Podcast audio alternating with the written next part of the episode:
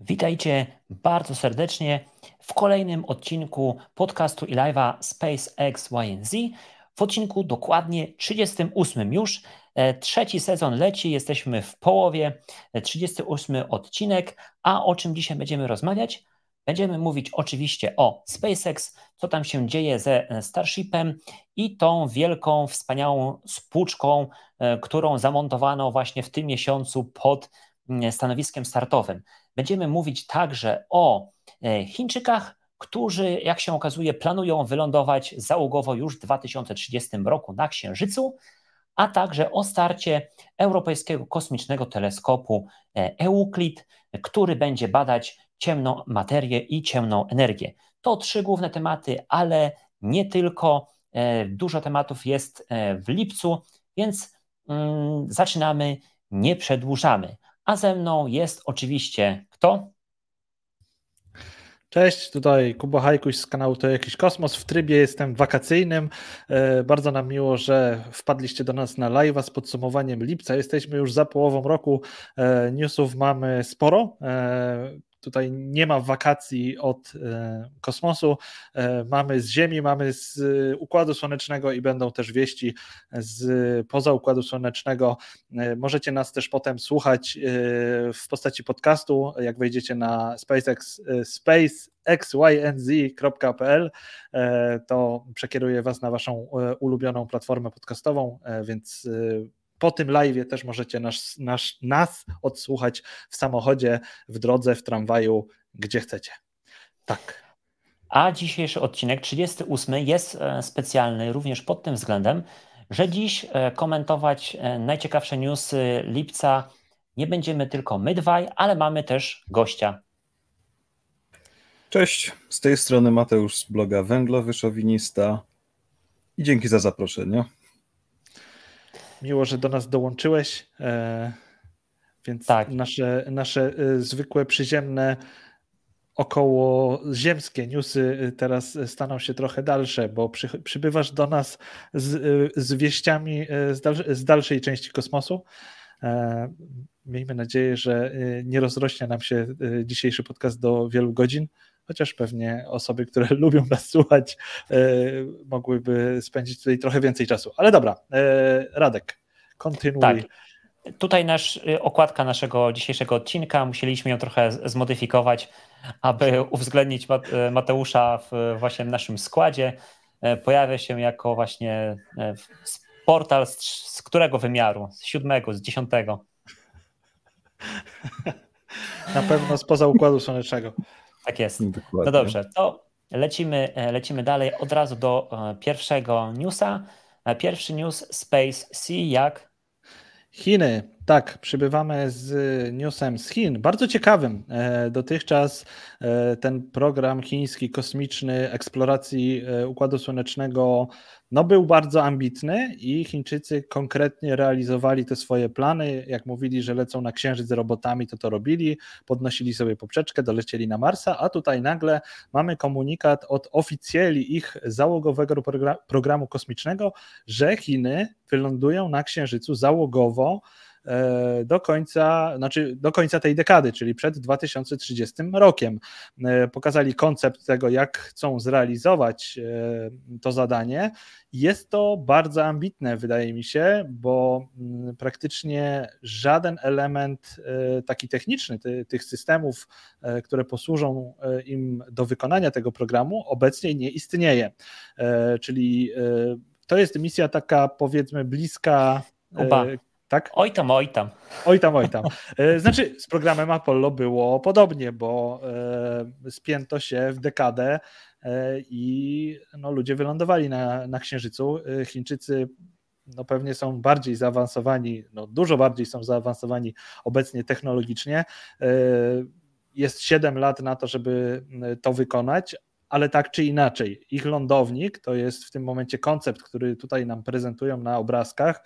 E, lądownik bardzo podobny do tych lądowników e, ery Apollo, znaczy tak na pierwszy rzut oka, bo e, oczywiście szczegółami technicznymi to się mocno różni, ale powiedzmy, że koncept jest bardzo podobny, bo mamy lądownik osobno, kapsułę załogową osobno i też różnica względem Apollo polega na tym, że oba te systemy będą wysyłane w kosmos osobnymi e, rakietami. Łączone to będzie w kosmosie i jako zestaw e, uda się na Księżyc. E, I oba te moduły, czyli i lądownik, i nowa kapsuła załogowa, będą wynoszone nową rakietą Długi Marsz 10. No i cały problem polega na tym, że wszystkie te elementy są właśnie bardziej papierowe, projektowe niż e, rzeczywiste. Co prawda ta ich kapsuła nowej generacji, bo ona chyba nie ma takiego, takiej swojej krótkiej nazwy, e, tylko to jest załogowa kapsuła nowej generacji, chyba tak to się nazywa. E, ona przechodziła jakieś testy, jakiś skalowy demonstrator został wysłany w kosmos, potem kapsuła taka bez systemów podtrzymywania życia, też taka bardzo demonstracyjna na niskiej orbicie okołoziemskiej poleciała. No i w przeciągu siedmiu lat e, ma to się wszystko zamienić w systemy zdolne do podtrzymywania życia ludzkiego, zdolne do lądowania na Księżycu, więc jest tutaj e, podjęte wyzwanie Stanów Zjednoczonych, programu Artemis, e, żeby na ten księżyc się bardzo szybko dostać. Ktoś może powiedzieć oczywiście, że program Artemis no, jest tak wyskalowany, że Amerykanie szybciej będą na tym księżycu. Przy czym no, wiemy, jak jest. E, że te opóźnienia jednak są poważne i program Artemis, znaczy misja Artemis 3 to ma być ta, e, gdzie będzie lądowanie na Księżycu i ona jest chyba w tym momencie gdzieś tam ustawiona na 2027-2028, ale jest to e, turbo optymistyczny harmonogram, więc Chińczycy mówiąc, że przed końcem 2030 chcą zrobić rzecz podobną, no to mamy no, po prostu wyścig nowy na Księżyc, już taki pełnoprawny, bo wcześniej Chińczycy coś mówili o e, takiej bazie robotów na Księżycu, generalnie skłaniali się w stronę tych misji robotycznych, a teraz jest już konkretnie powiedziane, że chcą lecieć tam ludźmi. No i z jednej tak. strony to, to Chińczycy zawsze trzymali się tych swoich harmonogramów tak konkretnie, że jak mówili, że coś zrobią wtedy i wtedy, to faktycznie ta sonda startowała i leciała i odnosiła e, no, spektakularny sukces, e, bo tych robotów oni, na Księżycu... Mhm. Powiedz mi, czy oni też mają plany jakby wykraczające poza zatknięcie flagi? E, nie wydaje mi się, żeby w tym momencie były jakieś no, sam ten plan lądowania po prostu ich astronautów na Księżycu już w tym momencie jest taki abstrakcyjny, że e, wątpię, żeby były jakieś konkretne plany e, jakby poza mi się, to. Mi się, znaczy, wiecie, tak? to też jest wszystko po tych tutaj też, też tych modelach, prezentacjach, wiecie, to, to nadal wydaje mi się, że jest to jeszcze na takim etapie, no okej, okay, to już jest troszeczkę, ma, ma takiego momentum, jest rozpędzone, ale pewnie jeszcze jakieś tam korekty mogą, e, mogą do tego wyjść. Nie wiemy tak naprawdę, jak daleko od prezentacji i renderów, zresztą chyba tutaj, jak widać, nie najlepszych, to jeszcze ile, jak to jest blisko jakby fizycznych rzeczy, które robią. Natomiast wydaje mi się, że e, profil misji generalnie jest bardzo podobny do tego, co było w Apollo, i cel chyba też jest dokładnie taki sam, czyli jak to się e, ładnie mówi po angielsku, flags and footprints, czyli najważniejsza ta data 2030 e, e, lądujemy załogowo na, na Księżycu. Oczywiście, mm, tak jak wspomniałeś, dwa elementy tego systemu będą wynoszone osobno, no tak, ale to jest, to jest tak naprawdę łatwiej niż teraz nagle zbudować gigantyczną rakietę taką jak Saturn V, która to wszystko wyniesie za jednym razem. No ale lądownik e, tutaj na tej wizualizacji pokazywany, e, e, ten księżycowy pojazd dla astronautów, no to, to, to, wszystko naprawdę jest bardzo podobne do tego, jak to było w, w programie Apollo, a, no a teraz Artemis stara się raczej już takie po prostu robić trochę większe i trudniejsze rzeczy i akurat to, to jest z jednej strony lepiej, ale z drugiej strony gorzej, tak? No bo po prostu większe mogą być opóźnienia, jeśli coś jest bardziej ambitne. Mm. Ja myślę, że bez porównania, no Artemis jakby od samego początku i ostro w to idą deklaratywnie, że to ma być sustainable i że to ma być z myślą o wydłużonym pozostaniu na Księżycu. Nawet jeśli pewne elementy SLS i, i, nie wskazują na to, to myślę, że jednak ten cel gdzieś tam cały czas jest. Ale żeby nie było, nie umniejszałbym jakby wadze tej misji, bo chociażby przez sam fakt, że to robią Chińczycy albo że starają się robić, może właśnie zmotywują Amerykanów do tego, żeby jednak się spieli bardziej. A po drugie, wydaje mi się, że no, jeszcze nam nie spowszedniał księżyc tak bardzo, żeby się nie ekscytować e, tym, że powtarzają coś sprzed 50 lat. To jednak wciąż jest duża rzecz i nawet jeśli ten profil jest właśnie podobny, to wydaje mi się, że tak czy inaczej e, zysk albo sama atrakcja tego, że polecą tam z współczesnymi kamerami i sprzętem, no to będą duże wrażenia, także Czekamy. To, to, jest, to jest oczywiście, absolutnie się z tym zgadzam. I dwa, to e, no, teraz generalnie tak geopolitycznie no, Stany Zjednoczone bardzo Chiny postrzegają jako swojego głównego e, wroga, czy też może, może nie wroga, rywala na arenie międzynarodowej. I to jest akurat dobra też informacja dla NASA i tutaj wszystkich e, jakby partnerów, koalicjantów w programie Artemis, dlatego że dzięki temu będzie też pieniądze z kongresu będą szły właśnie na, na Artemis. No bo zobaczcie, tutaj znowu czerwoni nas po prostu ścigają, nie?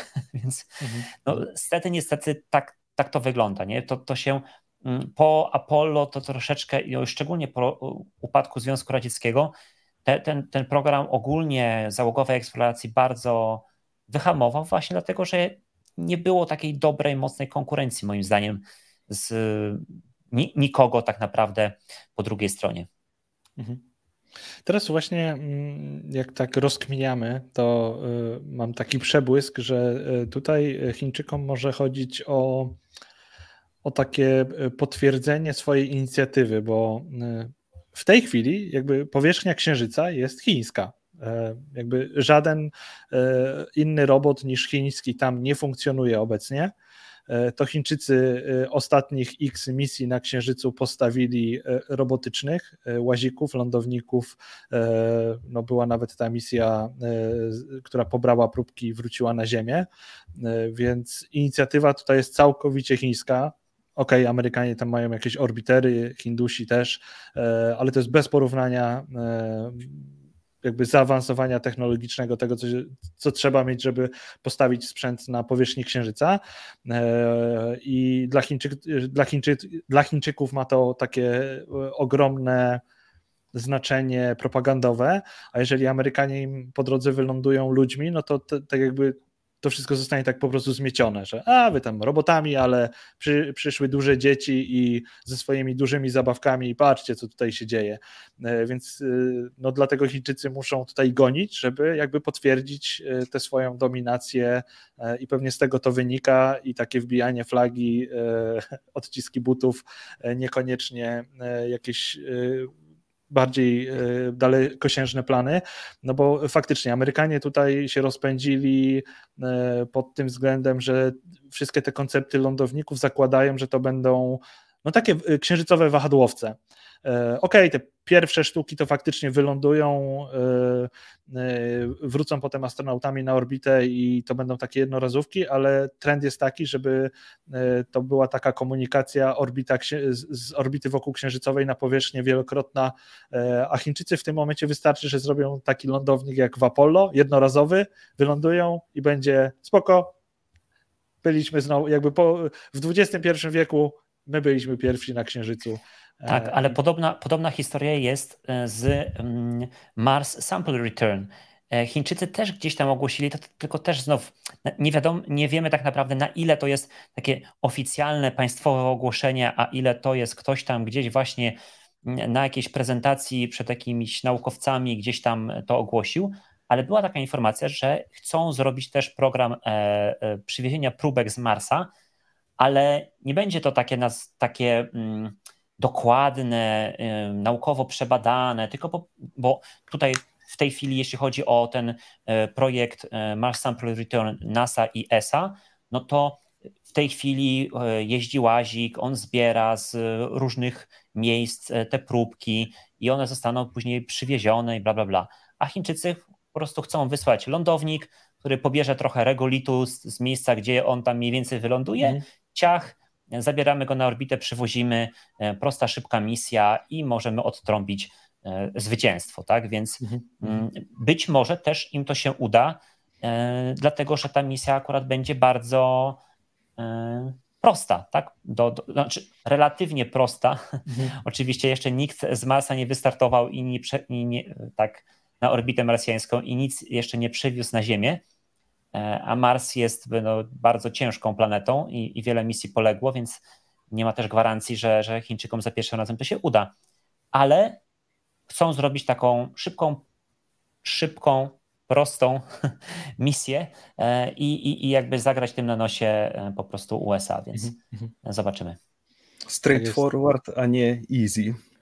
Tak, tak, tak, tak. Ten amerykański koncept, on jest dość karkołomny i widać, że się tak troszeczkę tam miotają. No dobrze. E, przez następne 10-15 lat, e, każdy kolejny sezon SpaceX YNZ będziemy śledzić, co tam właśnie Chińczycy konkretnie właśnie. robią. Nie tylko, nie tylko preski, e, nie tylko renderki, i więc na pewno stay tuned, tak? Zostańcie z nami tak, tak, tak. I, i będziemy to obserwować. Mhm. No dobrze, lecimy dalej. Space i jak? Egzoplanety. Z mojej strony to będzie teraz news w takim razie. Y, bardzo ciekawe odkrycie, niekoniecznie potwierdzone, ale wygląda na to, że jest szansa, że zaobserwowano po raz pierwszy dwie planety znajdujące się na jednej orbicie, czyli koorbitalne. Jak to zwykle bywa w kosmosie, y, już pisarze science fiction wymyślali coś takiego swojego czasu, chociaż wtedy koncepcje były takie, że może gdzieś jest tam przeciwziemia, która jest po drugiej stronie Słońca, zawsze na tej samej orbicie i dlatego jej nie widzimy. No i tam, zależnie od twórcy, żyli tam barbarzyńcy, amazonki i tak dalej, zieloni ludzie. Y, coś takiego nie jest możliwe, nie byłoby to stabilne. Natomiast faktem jest, że hmm, chociażby nasz Jowisz i niektóre inne ciała w układzie słonecznym posiadają grupy asteroid tak zwanych Trojan lub Greków w punktach Lagrange'a, czyli troszeczkę przed i troszeczkę za daną planetą na orbicie znajdują się miejsca, gdzie grawitacja y, gwiazdy i tegoż, tejże planety znajdują się we względnej równowadze. Takich punktów jest więcej, bo też będziemy pewnie opowiadać o y, teleskopach w punkcie L2. Tutaj mówimy o punkcie L3, L4 i L5. No i w takim bardzo młodym układzie, który teraz y, widzimy na ekranie, jak ktoś nas tylko słucha, to będzie sobie musiał wyobrazić, że mm, na obrazku mamy mm, wyraźnie dysk protoplanetarny wokół gwiazdy, która jest plamką i tam towarzyszy mu dwie plamki, jedna jest troszeczkę jaśniejsza, jedna troszeczkę ciemniejsza. I obserwacje y, w podczerwieni sugerują, że y, jest to scenariusz, który niektórzy przewidywali, ale wiecie, przewidzieć to jedno, zobaczyć to drugie, e, że w tym punkcie towarzyszącym planecie, która jest bodajże siedmiokrotnie cięższa od Jowisza, e, znajduje się obłok, wewnątrz którego być może właśnie widzimy, jak powstaje druga planeta, bardzo malutka, bo potencjalnie albo lżejsza, albo maksymalnie dwa razy cięższa od naszego Księżyca. Jest to taka relacja masy, że y, spokojnie taki układ mógłby według naszych obliczeń y, trwać bardzo długo, stabilnie, bo no, gdyby ta planeta była cięższa, mogłaby rzeczywiście wypaść z tej orbity, natomiast taki układ ma szansę przez tam miliony, miliardów lat sobie trwać i na jednej orbicie mógłby być właśnie gazowy gigant z nie wiadomo iloma księżycami i taka mała planetka, która tam gdzieś za nim goni, albo przed nim, bo nie pamiętam, czy to jest punkt L4 czy L5, czy ona jest przed czy po. Także nie wiem, kto komu listy w butelce mógłby zostawiać, e, ale no to jest takie duże wow, jeśli idzie o temat egzoplanet. Układ jest w ogóle ciekawy, bo on jest bardzo młody, dlatego tutaj na obrazku najwyraźniej widoczny jest pierścień e, pyłu, z którego też być może kiedyś powstaną jakieś kolejne planety. Ten układ już wcześniej zwrócił naszą uwagę, bo spostrzegawczy widzowie mogą zobaczyć tam po prawej stronie jest jeszcze jedna plamka. Y, to jest jeszcze większy gazowy gigant, który teraz tam uchwycono w trakcie formacji i co ciekawe, wokół niego jest jakby on ma swój własny dysk, y, można by go nazwać chyba protoksiężycowy, w którym prawdopodobnie formują się egzoksiężyce. Y, to jest coś, na co też niektórzy astronomowie sobie tam ostrzą zęby, żeby być tym pierwszym, który odkryje egzoksiężyc, ale no myślę, że jeszcze nam to trochę zajmie, bo to są już naprawdę ekstremalnie trudne rzeczy do wykrycia. Mhm. To jest ciekawe, bo e, właśnie chciałem się e, o to zapytać, e, ale już jakby to odpowiedziałeś na to, czy to jest tylko efekt takiego dzieciństwa tego układu planetarnego, czy to może trwać jakoś dłużej. No ale mówisz tutaj, znaczy, że jest efekt... szansa, że to się utrzyma. Wiesz co, tak, jest, jest szansa, że się utrzyma, to jest tak naprawdę zalążek do potencjalnie dłuższego tematu, Y, tylko dopowiem co do tego dzieciństwa. To dzieciństwo pomaga nam to zauważyć, natomiast yy, więc być może jest masa z tych planet, które już wykryliśmy Jowiszów, ma takich towarzyszy. Yy, mi od razu wyobraźnia zaczyna szaleć i sobie wyobrażam, że być może gdzieś tam jest nawet taka planeta, która ma i w punkcie L4 i w punkcie L5 y, jakby sąsiednie planety. Mm -hmm. Natomiast to jest jakby zalążek do w ogóle ciekawego tematu, bo sprawdziłem sobie na blogu aż 10 lat temu, już pisałem o tym, y, że y, ten, te punkty L4, L5, one mogą tak naprawdę być jakby y, zaczynem dla dużych księżyców planet typu ziemskiego.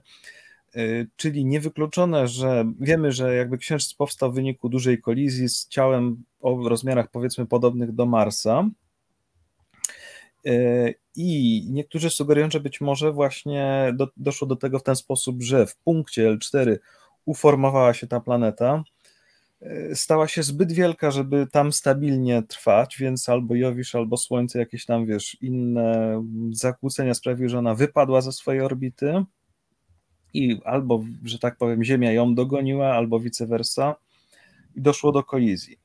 I to jest sygnał, że jeśli coś takiego się zdarza, to w takim razie być może dużo planet typu ziemskiego ma duże księżyce. I to byłoby super, bo według wielu, ja o tym w książce troszeczkę pisałem, że to jest tak troszeczkę na dwoje babka wróżyła, że być może przeceniamy ważność księżyca, ale raczej wiele wskazuje na to, że księżyc robi nam dobrze, bo stabilizuje nasz ruch orbitalny, stabilizuje klimat, więc może być bardzo fajną rzeczą dla potencjalnego życia na obcych planetach. Więc jeśli to, co tutaj obserwujemy, jest jakby standardem w galaktyce, we wszechświecie, no to super, bo to może bardzo dobrze robić szansą na to, że życia jest dużo wszędzie. Czy, czyli, y, że tutaj może być taki jakby scenariusz nasz ziemski, gdzie y, gdy to się w końcu uformuje, to ta druga planeta w tym punkcie L4 tudzież L5 y, w pewnym momencie zderzy się z, z, tą swoją wielką planetą na, na tej orbicie. Aha.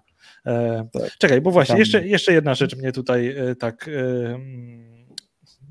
może nie martwi, ale interesuje, bo chyba de definicji, bo Pluton został jakby zdegradowany z planety, no bo definicje się e, jakby tutaj trochę zmieniły, że planeta e, to jest też to, co potrafi na swojej orbicie jakby wyeliminować e, konkurencję, w sensie, że jest jeden wielki gracz na orbicie, ewentualnie są jakieś te Grecy, Trojanie, oni sobie mogą być jako taka drobnica, ale nic dużego, bo planeta e, to posprząta. A tutaj mamy e, planetę typu Jowiszowego i ona właśnie pozwala egzystować takiej innej planecie e, na swojej orbicie. Wow, niedługo znowu definicje planetarne będą się zmieniać. Ale powiem Ci, że fajny temat wrzuciłeś w pierwszej chwili miałem powiedzieć, że w zasadzie to by wynikało, że taki księżyc, znaczy, przepraszam, taka planeta, no bo nie krąży wokół tego gazowego giganta, że taka planeta mogłaby od, o, odzierać swoją główną towarzyszkę zmiana planety, no bo tak jak mówisz, definicja tam była o czyszczeniu, ale w sumie skoro Grecy i Trojanie nie odebrali Jowiszowi tytułu planety, mhm. to chyba tutaj nasza planeta PDS 70b nie jest zagrożona w związku z tym chyba. Okej, okay, okej. Okay. No. Będą, e, e, jak się dowiedzą, że Ziemianie nie uważają ich za planety, to będą wzywać na dywanik ambasadora. Jak to? Dokładnie. No, no dobrze, to co? Dalej? Lecimy dalej. Lecimy dalej. Mhm. Space Eye.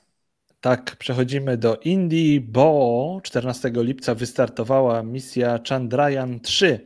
Drugie podejście Indii do e, postawienia na powierzchni Księżyca swojego robotycznego lądownika bez ludzi, sonda lądująca na Księżycu. Dotychczas e, w takim ekskluzywnym gronie są tylko Stany, e, ZSRR łamane przez Rosja i Chiny.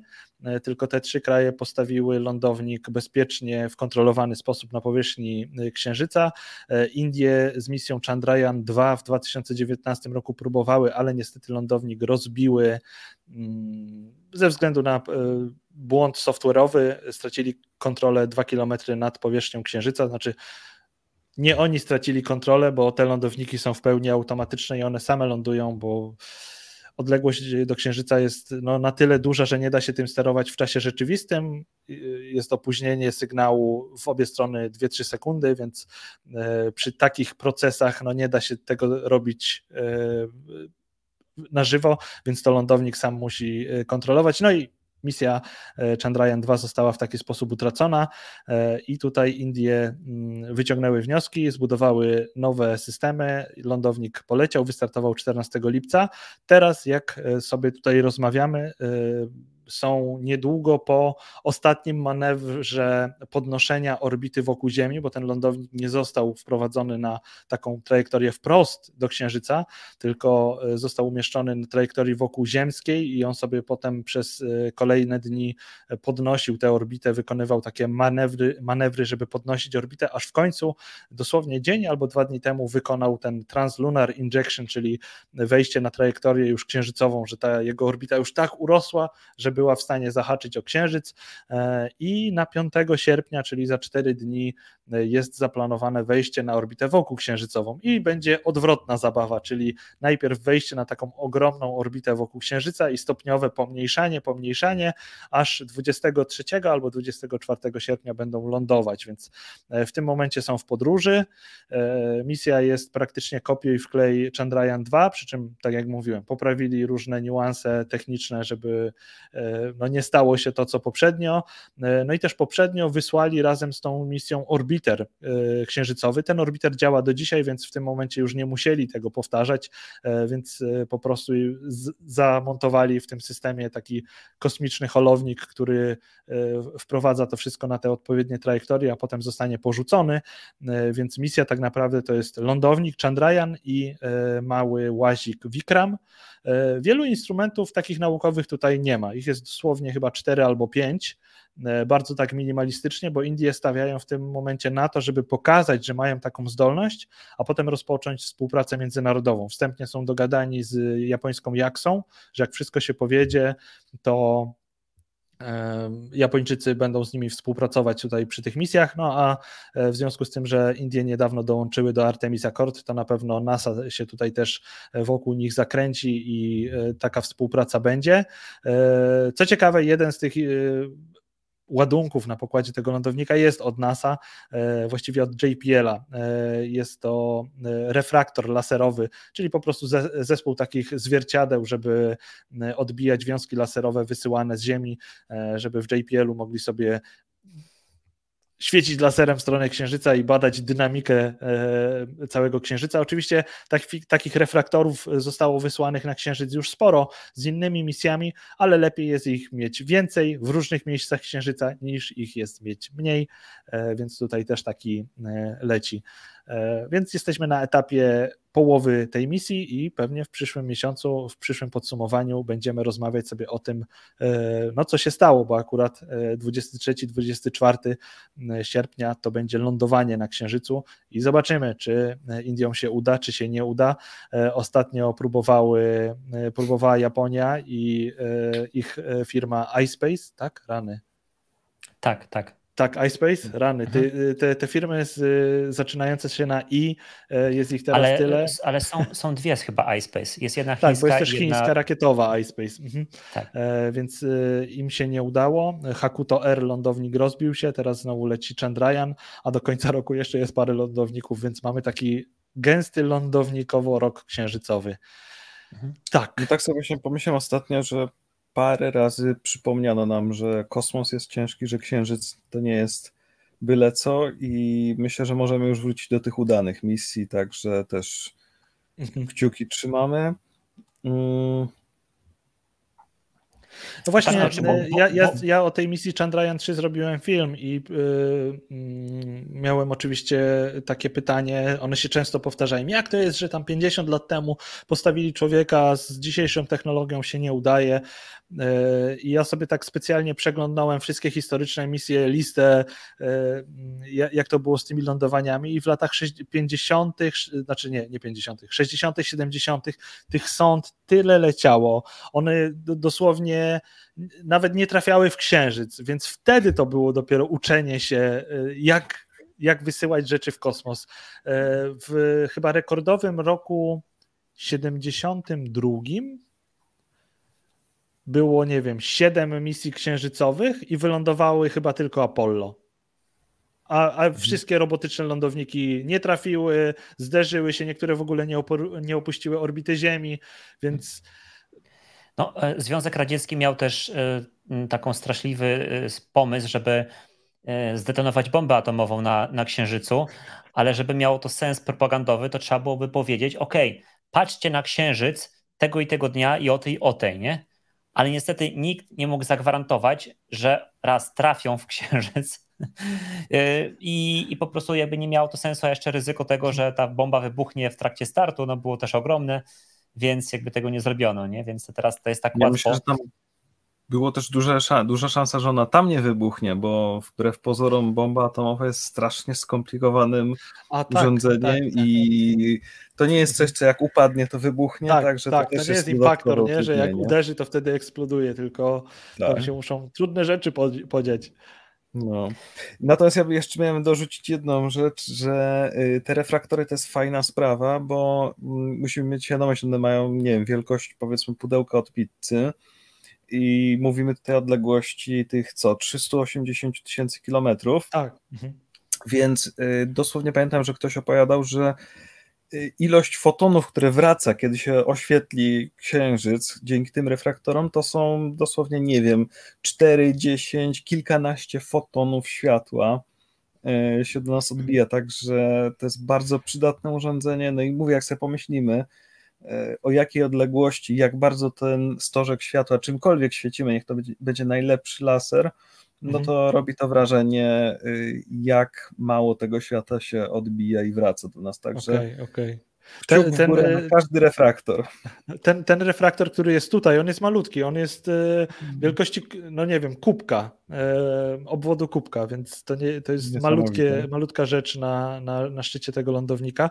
E, ja też czytałem kiedyś taką rzecz, tylko nie pamiętam, której misji to dotyczyło, że chyba Apollo, któraś Apollo, z, jakby położenie geograficzne było na tyle na początku nieznane, że nie byli, nie byli w stanie wycelować w ten refraktor. Komunikacja radiowa spoko, ale laserem w ten refraktor nie byli w stanie i dopiero po jakimś czasie, jak już konkretnie gdzieś tam przeliczyli, w którym miejscu to jest, to udało się wcelować dokładnie laser, y, żeby odbił się od tego refraktora, więc wiedziano, gdzie mniej więcej jest lądowanie, ale tak precyzyjnie, żeby odbić się od refraktora, nie. No tak. Tak, e, e, gdzieś w tym miesiącu widziałem takie, takie hasło e, w internecie, że odnoszące taka, taka parafraza tego, tego słów Johna Kennedy'ego, tak, że zrobiliśmy, zdecydowaliśmy się zrobić to nie, dlatego, że myśleliśmy, że to jest łat... Nie, a chyba tak, wiem, wiem, że nie, nie dlatego, że jest to łatwe, łatwe, tylko dlatego, że myśleliśmy, że to, było, że to będzie łatwe. Dokładnie. Więc, ale to naprawdę myślę, że spra sprawdza się w wielu dziedzinach, tak? Założenie kanału na YouTubie, przecież to jest takie proste. Każdy, y, kamerka, ten i już będę, będę gadał, bo jak oglądam, to oni tak pięknie mówią i na wszystkim się znają i to jest takie super i w ogóle takie proste. A później, kiedy zaczynasz to robić, e, kiedy widzisz e, swoją gębę na ekranie i ile razy e, y, mówisz i jak nieskładnie to nagrywasz i jak długo ci to zajmuje czasu, no to wtedy właśnie masz tą refleksję. Tak, przychodzi smutek. Dobrze, to dalej. Lecimy, lecimy dalej. Space i jak Falcon 9? jak Euclid. No tak właśnie. Jest. 1, 1 lipca, czyli e, dokładnie miesiąc temu, właściwie już po nagraniu naszego tego poprzedniego um, live'a, e, wystartował, wystartował um, Falcon 9, który na pokładzie miał europejski e, kosmiczny teleskop Euclid. I w związku z tą misją są ważne dwie rzeczy, które tutaj musimy poruszyć. Dwie zawstydzające. Pierwsza zawstydzająca rzecz jest taka, że dlaczego flagowy mm, teleskop Europejskiej Agencji Kosmicznej za ponad miliard euro, dlaczego leci amerykańską rakietą? Dlaczego? No, oczywiście dlatego, że europejskich e, rakiet nie ma zdolnych do tego, aby taki mm, teleskop e, wynieść.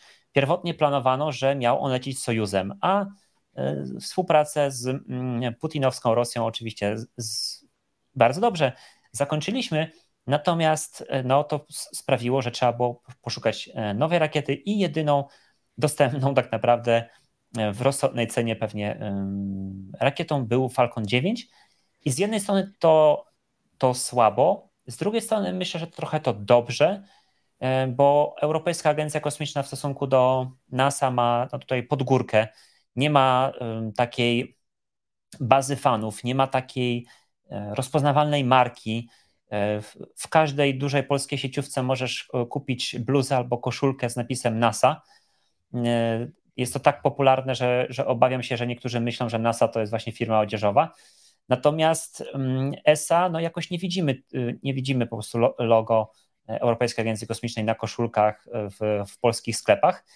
Mm, I przez to, że mm, ten Euclid poleciał rakietą SpaceX, to mam wrażenie, że jednak troszeczkę to się bardziej odbiło e, w tych mediach, szczególnie e, zapatrzonych straszliwie w SpaceX, tak? Więc tutaj e, dobra sprawa.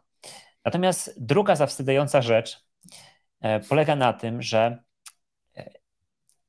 kosmiczny teleskop Euclid ma badać ciemną energię i ciemną materię, o której wiemy bardzo, ale to bardzo niewiele.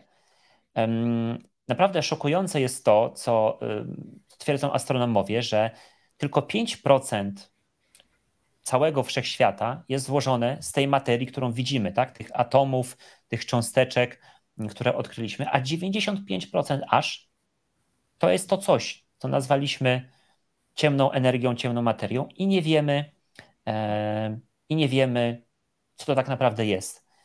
I Euklid ma za zadanie właśnie mm, stworzyć taką trójwymiarową mapę wszechświata, e, która obejmie obszar rozciągający się na 10 miliardów lat świetlnych od naszej planety.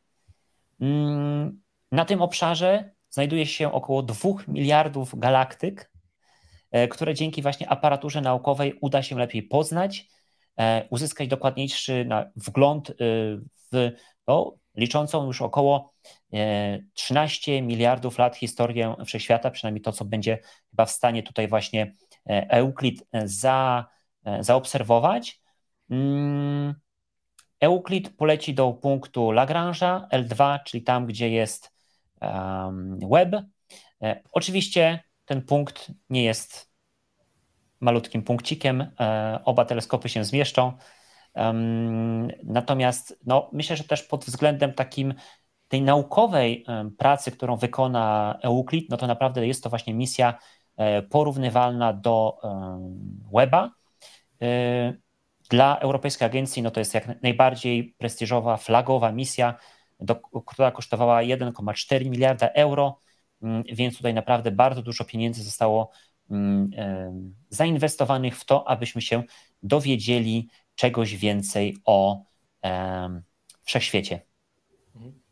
Tak, jak e, najbardziej tutaj być może y, y, Euclid będzie mógł nadgryźć na przykład kryzys w kosmologii, bo mamy taki kryzys, że e, badania z różnych źródeł troszeczkę się rozjeżdżają i e, szuka się tych błędów, biasów, przesunięć, dlaczego niektóre badania, niektóre pomiary się nam nie stykają, także wiem, że Euclid ma szansę gdzieś tam to wesprzeć, no i jak najbardziej. Flagowa misja, bardzo ambitne pytania. Kuba, coś chciałeś? A nie, nie, nie. Ja tylko y, chciałem powiedzieć, że on strasznie szybko zaczął obserwację, bo y, po wystrzeleniu, no to oczywiście jakiś tam miesiąc, żeby dotrzeć w okolice y, tego punktu libracyjnego. I tak jak Radek powiedziałeś, w sensie, że punkt punktem, ale to jest orbita jakby w okolicach tego punktu i te trajektorie są gigantyczne, bo jakby ta, ta dziwna trajektoria, po której porusza się i Webb, i, i Euclid, e, to jest porównywalna z orbitą Księżyca wokół Ziemi, więc e, jakby te, te obserwatoria się nigdy nie spotkałem, tak jak czasem ludzie mówią, że a, czy tam już coś jest, ale czy tam jest miejsce na coś innego? Nie, to są jakieś takie gigantyczne trajektorie e, i, i on po dotarciu tam, on praktycznie od, momentalnie zaczął wykonywać już e, obserwacje kalibracyjne, bo ja na Twitterze widziałem, że już są pierwsze, e, pierwsze zdjęcia z tego Euklida. E, jakoś po webie miałem tak, tak, taką świadomość tego, że a potem będzie pół roku takiego czekania, że oni go rozłożą, to, tamto, mhm. no ale on tutaj praktycznie Wiesz, no już gotowy jest... do pracy poleciał. Wiesz, no to nie jest taki Transformers jak, jak tak, tak, web. tak, tak, tak. Yy, powiem szczerze, nie pamiętam, czy on jest podczerwony, czy nie, no bo e, jakby e, nie, światło, światło widzialne po, po... do bliskiej podczerwieni. Mhm. Aha, czyli też pewnie powinien być. No to ciekawe w sumie, że on nie jest aż tak chłodzony. Może tutaj nie jest istotna yy, dokładność, tylko jakby sam ten zasięg jego, nie wiem, ciężko powiedzieć. Mhm. Bo w przypadku Weba, no to tam, no pomijając jakby rozkładanie lustra, no to tam jest ta obsesja, żeby, chyba że tutaj chodzi o to, że to jest bliska podczerwień, a nie daleka jak u Weba, hmm. dlatego tam tak istotne jest to izolowanie się. Tutaj od... zaglądam na ściągawkę, to y, kamerę ma y, światła widzialnego, a w podczerwieni to ma spektrometr i ma jeszcze fotometr. Hmm. E, więc mo, może dlatego jakby tutaj ten reżim pracy nie jest taki wymagający jak w przypadku e, weba. Mhm. Sławek zadał pytanie, nie wiem czy je dobrze rozumiem, e, co, co zobaczymy będąc tam na tej granicy 13 miliardów, la, miliardów lat. E, jeśli dobrze rozumiem pytanie, to yy, widzielibyśmy mniej więcej to samo, co, co tutaj, bo żaden punkt we wszechświecie nie jest yy, wyróżniony, więc patrząc w naszym kierunku w tamtym punkcie, to nasz region wydawałby się absolutnym, absolutną granicą widzialnego kosmosu i oczywiście patrząc w naszym kierunku nie widziano by e, Ziemi, e, Kuby i Radka, tylko widzielibyśmy ten obłok gazu, z którego za tych 4,5 miliarda lat powstanie e, Ziemia, Słońce mhm. i, i inne rzeczy. I jeszcze tutaj było bardzo ciekawe pytanie, komentarz od T800. Dlaczego amerykański teleskop poleciał Ariane 5? Chodzi Jeśli, o weba? Tak mi się wydaje, więc y, no, tutaj była prosta sprawa, mianowicie, że y, raz po prostu Europejska Agencja Kosmiczna dołożyła się, po prostu zapłaciła za, y, za start tej rakiety, przez to mm, web jakby dla Amerykanów poleciał za darmo. Dwa, chodziło też, no, wybierano, wybierano rakietę do startu weba naprawdę bardzo dawno temu i wtedy najlepszą, najbardziej taką rakietą, która była najbardziej sprawdzona, to była właśnie Ariane 5. Dlatego właśnie wybrano, e, wybrano e, Ariankę, ale to też po prostu, że ESA to darowała, no to też oczywiście nie, mhm. nie jest bez znaczenia. Mhm. No dobrze. Aha, mhm. jeszcze jedna rzecz. Um, bo ważne jest też to, że przez to, że to jest europejski um, teleskop, to e, w, w, pracach nad e, właśnie tym teleskopem brały udział też e, polskie fir firmy. Nawet, nawet cztery z nich. Wartość kontraktów dla polskich podmiotów wyniosła ponad 3,2 miliona euro, czyli wiecie, 1,4 miliarda całość, nie 3,2 miliona, ale zawsze to jest coś. I tak w skrócie, no to właśnie firma Sener Polska wykonała mm, mechanizm ADPM, Antenna Deployment and Pointing Mechanism, odpowiadający oczywiście za rozkładanie i ukierunkowanie anteny służącej sondzie do komunikacji z Ziemią. GMV Polska e, opracowała dedykowane oprogramowanie Euclid Survey Independent Validation Tool. Narzędzie e, służy do walidowania planu obserwacyjnego teleskopu. Mm, Astri Polska to jest taka firma, która chyba przestała istnieć została rozwiązana, ale miała swój wkład w obszar systemu centralnego zarządzania danymi, e, w którym to dostarczyła komponenty związane z jednostką zarządzania pamięcią i wyposażeniem naziemnego segmentu wsparcia elektrycznego. Czytam teraz oczywiście, bo nie byłem w stanie tego wszystkiego spamiętać. I Syderal Polska, która w tej chwili jest, już się nazywa AROPS Polska, dostarczyła systemy rozkładania anteny oraz elektronikę do mechanizmu kierunkującego. Czyli tutaj też możecie zobaczyć, jak skomplikowane jest to przedsięwzięcie, ile różnych elementów trzeba do takiego kosmicznego teleskopu zrobić i e, nazwy tych firm też coś mówią. E, Sener Polska, GMV Polska, Syderal Polska Oznacza to, że po prostu to są polskie oddziały takich międzynarodowych, mhm. europejskich firm, które właśnie w ramach takiego konsorcjum dużego zgłaszają się, że one są w stanie wykonać jakieś tam elementy mm, teleskopu i później jest to rozdzielane do e, poszczególnych, mm, e, poszczególnych e, firm czy oddziałów krajowych. No tak właśnie działa kontraktowanie w Europie. Więc mhm. gdybyście chcieli wiedzieć więcej, trochę szczegółów na ten temat, dajcie znać koniecznie w, w komentarzach. To wtedy e, postaram się dotrzeć do takich osób, które, które pracowały przy Euklidzie i porozmawiać o tych takich bardziej naprawdę szczegółach, szczególikach mm, tego, co właśnie Polacy wznieśli, wnieśli do e, budowy Euklida. Tu jest też to ciekawe, że mm, jakby te projekty mają taką dużą bezwładność, że e, chyba dwa live wstecz mieliśmy gościa z Astroniki, żeby porozmawiać o e, mm, sądzie I to już była tak zamierzchła, mimo że to dopiero co wystartowało, to jakby budowa tego to była tak zamierzchła, zamierzchła przeszłość, że firma już zdążyła po drodze zrobić x innych projektów i to, to było takie odkopywanie trochę archeologiczne, co my to tam robiliśmy w tamtej misji. E, I tak jak tutaj mówisz, że no jedna z tych firm już nie istnieje, a komponenty do misji, która wystartowała w zeszłym miesiącu, robiła. Tak. E, a jeszcze taka ciekawostka, którą właśnie sobie przypomniałem, to jest tak, e, taka, że dwie polskie firmy na przykład ogłosiły, że będą coś robić i, i to nawet zrobiły, a później odwołano na przykład te, te części misji, czyli na przykład do łazika ExoMars tego Rosalind Franklin. Um, chyba Sener Polska zrobił taki konektor, który miał łączyć um, łazik z mhm. taką pępowinę, łazik z tym lądownikiem rosyjskim, no ale nie poleci na rosyjskim lądowniku, więc nie wiem, może zostanie to przeprojektowane do europejskiego e, e, lądownika. I chyba Piap Space, już nie pamiętam teraz, e, robił łazika do tego Mars Fetch Rover. Miał być europejski łazik, który zbierze próbki z, zostawione przez Perseverance dla misji Mars Sample Return, ale też europejski łazik został skasowany i też ta, ta praca no, może zostanie kiedyś wykorzystana, a może nie, więc e, no niestety te misje po prostu są rozciągnięte na bardzo, bardzo długi okres czasu. Mhm. Lecimy dalej? Tak jest, lecimy dalej. Space G, ale nie jak grabarek, tylko like gravitational waves. Tak, to chyba znowu ja.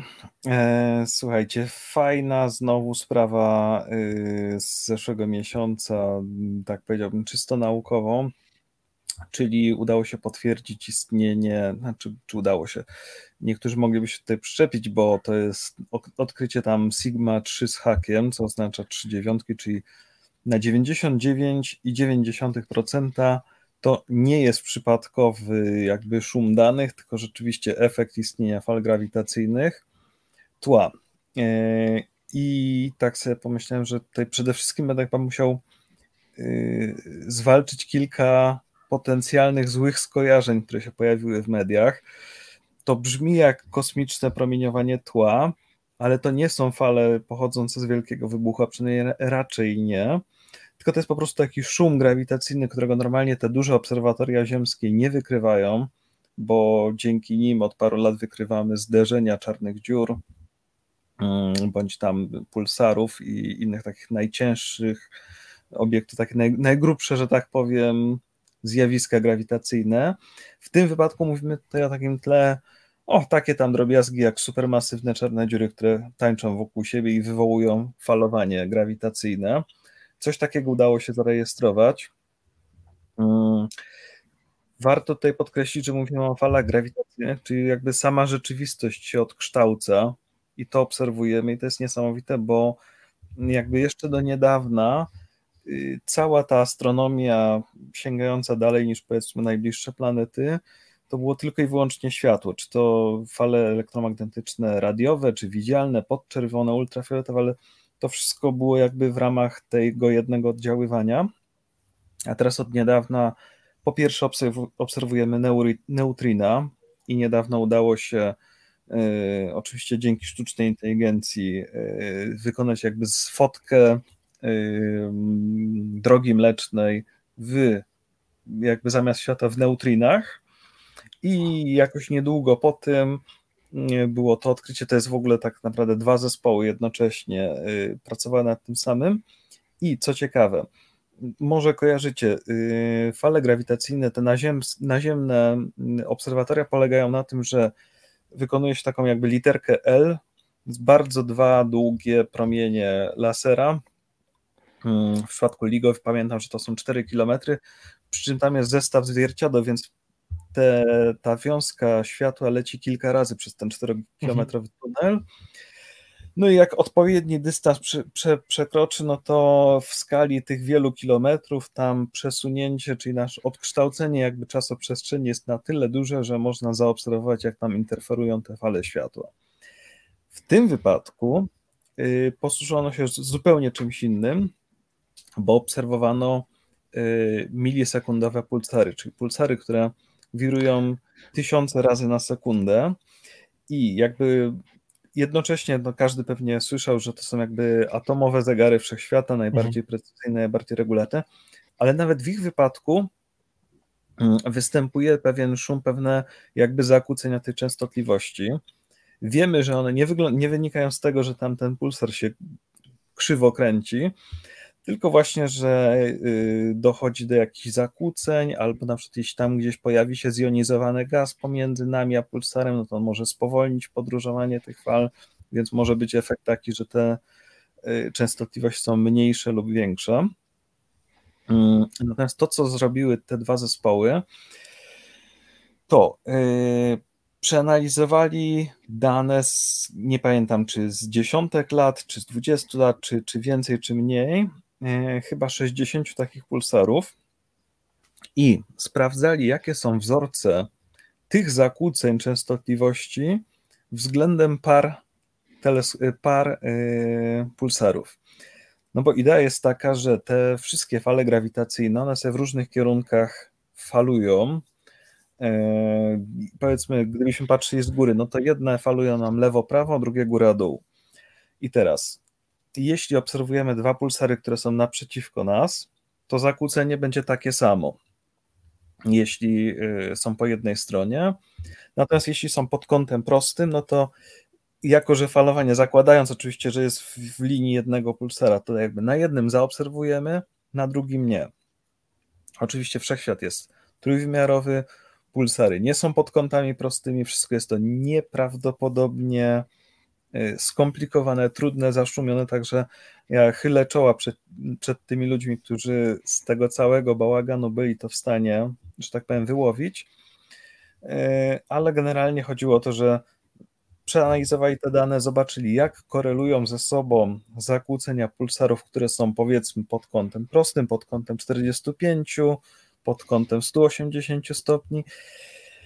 No i te wyniki są, że tak powiem, zbieżne z modelem, a gdyby było promieniowanie, znaczy nie promieniowanie, tylko falowanie tła grawitacyjnego, to według modelu wyglądałoby tak i te wyniki są całkiem zbieżne z tym modelem. I dlatego z sporą, ale nie absolutną pewnością można powiedzieć, że tak oprócz tych wielkich fal, które wy, wykrywają naziemne obserwatoria, jest jeszcze cały szum tego bałaganu, mówię, pochodzącego na przykład od wirujących czarnych dziur albo od jakichś innych obiektów. To Uf. Mateusz, ja mam, ja mam pomysł, znaczy dla ciebie na następną książkę, nie? Bo zrobiłeś o egzoplanetach i, i w, na, na początku mówisz, że y, o, dlatego napisałeś o egzoplanetach, dlatego że to był taki um, moment Apollo, tak? takie coś nowego, wielkiego, które stało się w, w, w eksploracji wszechświata. Nie? A teraz mhm. Też na naszych oczach, i to w ciągu ostatnich kilku lat, naprawdę otworzyła się nowa gałąź e, astronomii, fizyki. Wcześniej to była tak. E, teoria. Teraz zostało to potwierdzone, nie? Jakby tak, też tak. na naszych mhm. oczach. Więc um, tytuł książki coś w stylu nie widzimy, a wiemy. Jak oni falują, tak? Jak one Jak falują. falują.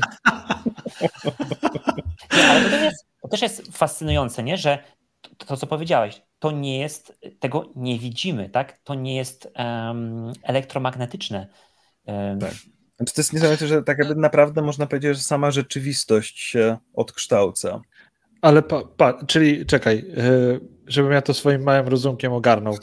Czyli je, to jest tak, że mamy sobie ten pulsar i jakby no, dochodzą do, od, jakby informacje od niego do nas, czyli te, te, ta pulsacja.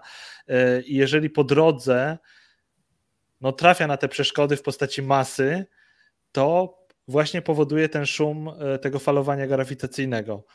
Nie. Nie tak.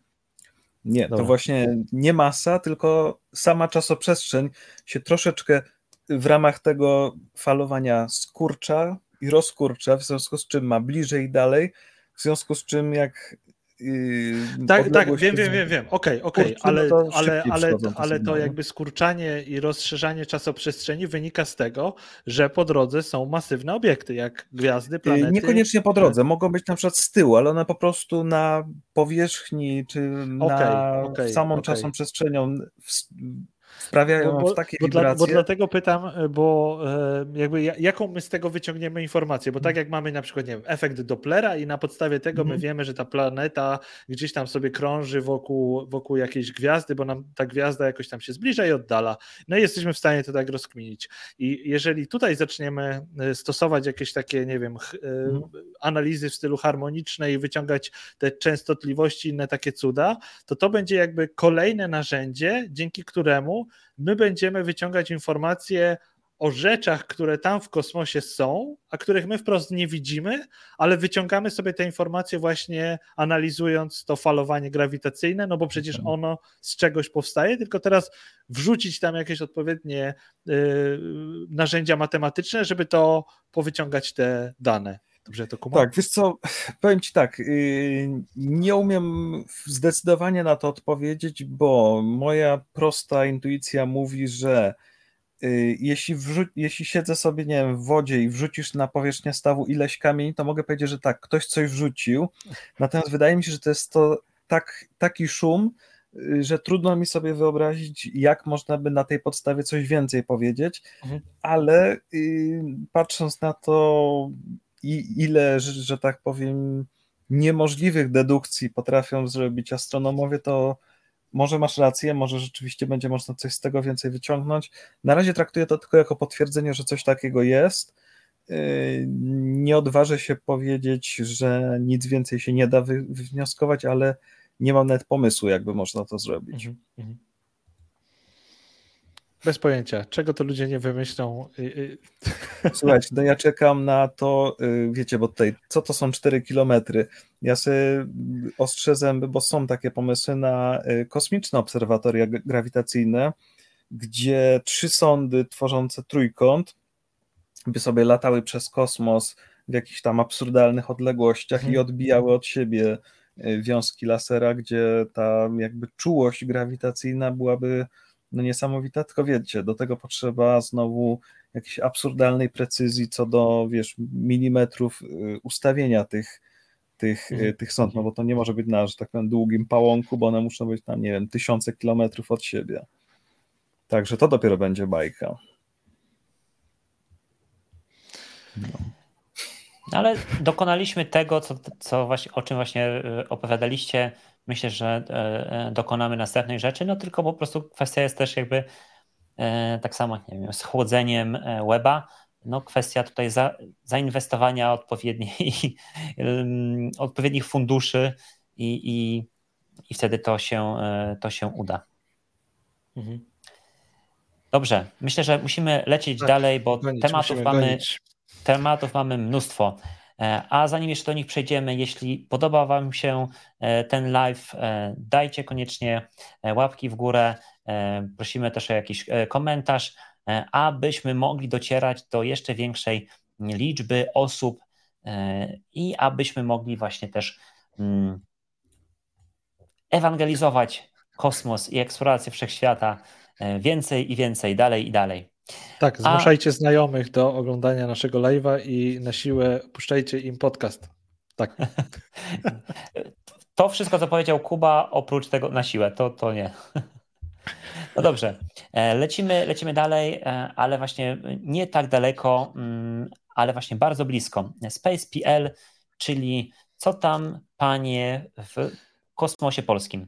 Tak jest. E, wróciliśmy z dalekiego kosmosu do kraju nad Wisłą, a tutaj ciekawe rzeczy się dzieją, bo e, Polska Agencja Kosmiczna odebrała, co prawda w czerwcu, ale news był dopiero wrzucony w lipcu, e, taki ciekawy system Polon. Tutaj na zdjęciu widzicie cztery teleskopy na takich robotycznych ramionach sterowane z odległej Polski, a te teleskopy są właściwie są takie trzy sensory składające się po cztery, mm, po cztery teleskopy są e, w, e, w Chile, w RPA i w Australii. I to jest taki system do śledzenia małych obiektów kosmicznych, głównie śmieci kosmicznych i, i satelitów, e, no żeby katalogować to wszystko, co krąży wokół Ziemi, e, bo jest tego coraz więcej i Polska tutaj właśnie e, uruchomiła bardzo fajny system, właśnie składający się z tych e, trzech, trzech sensorów.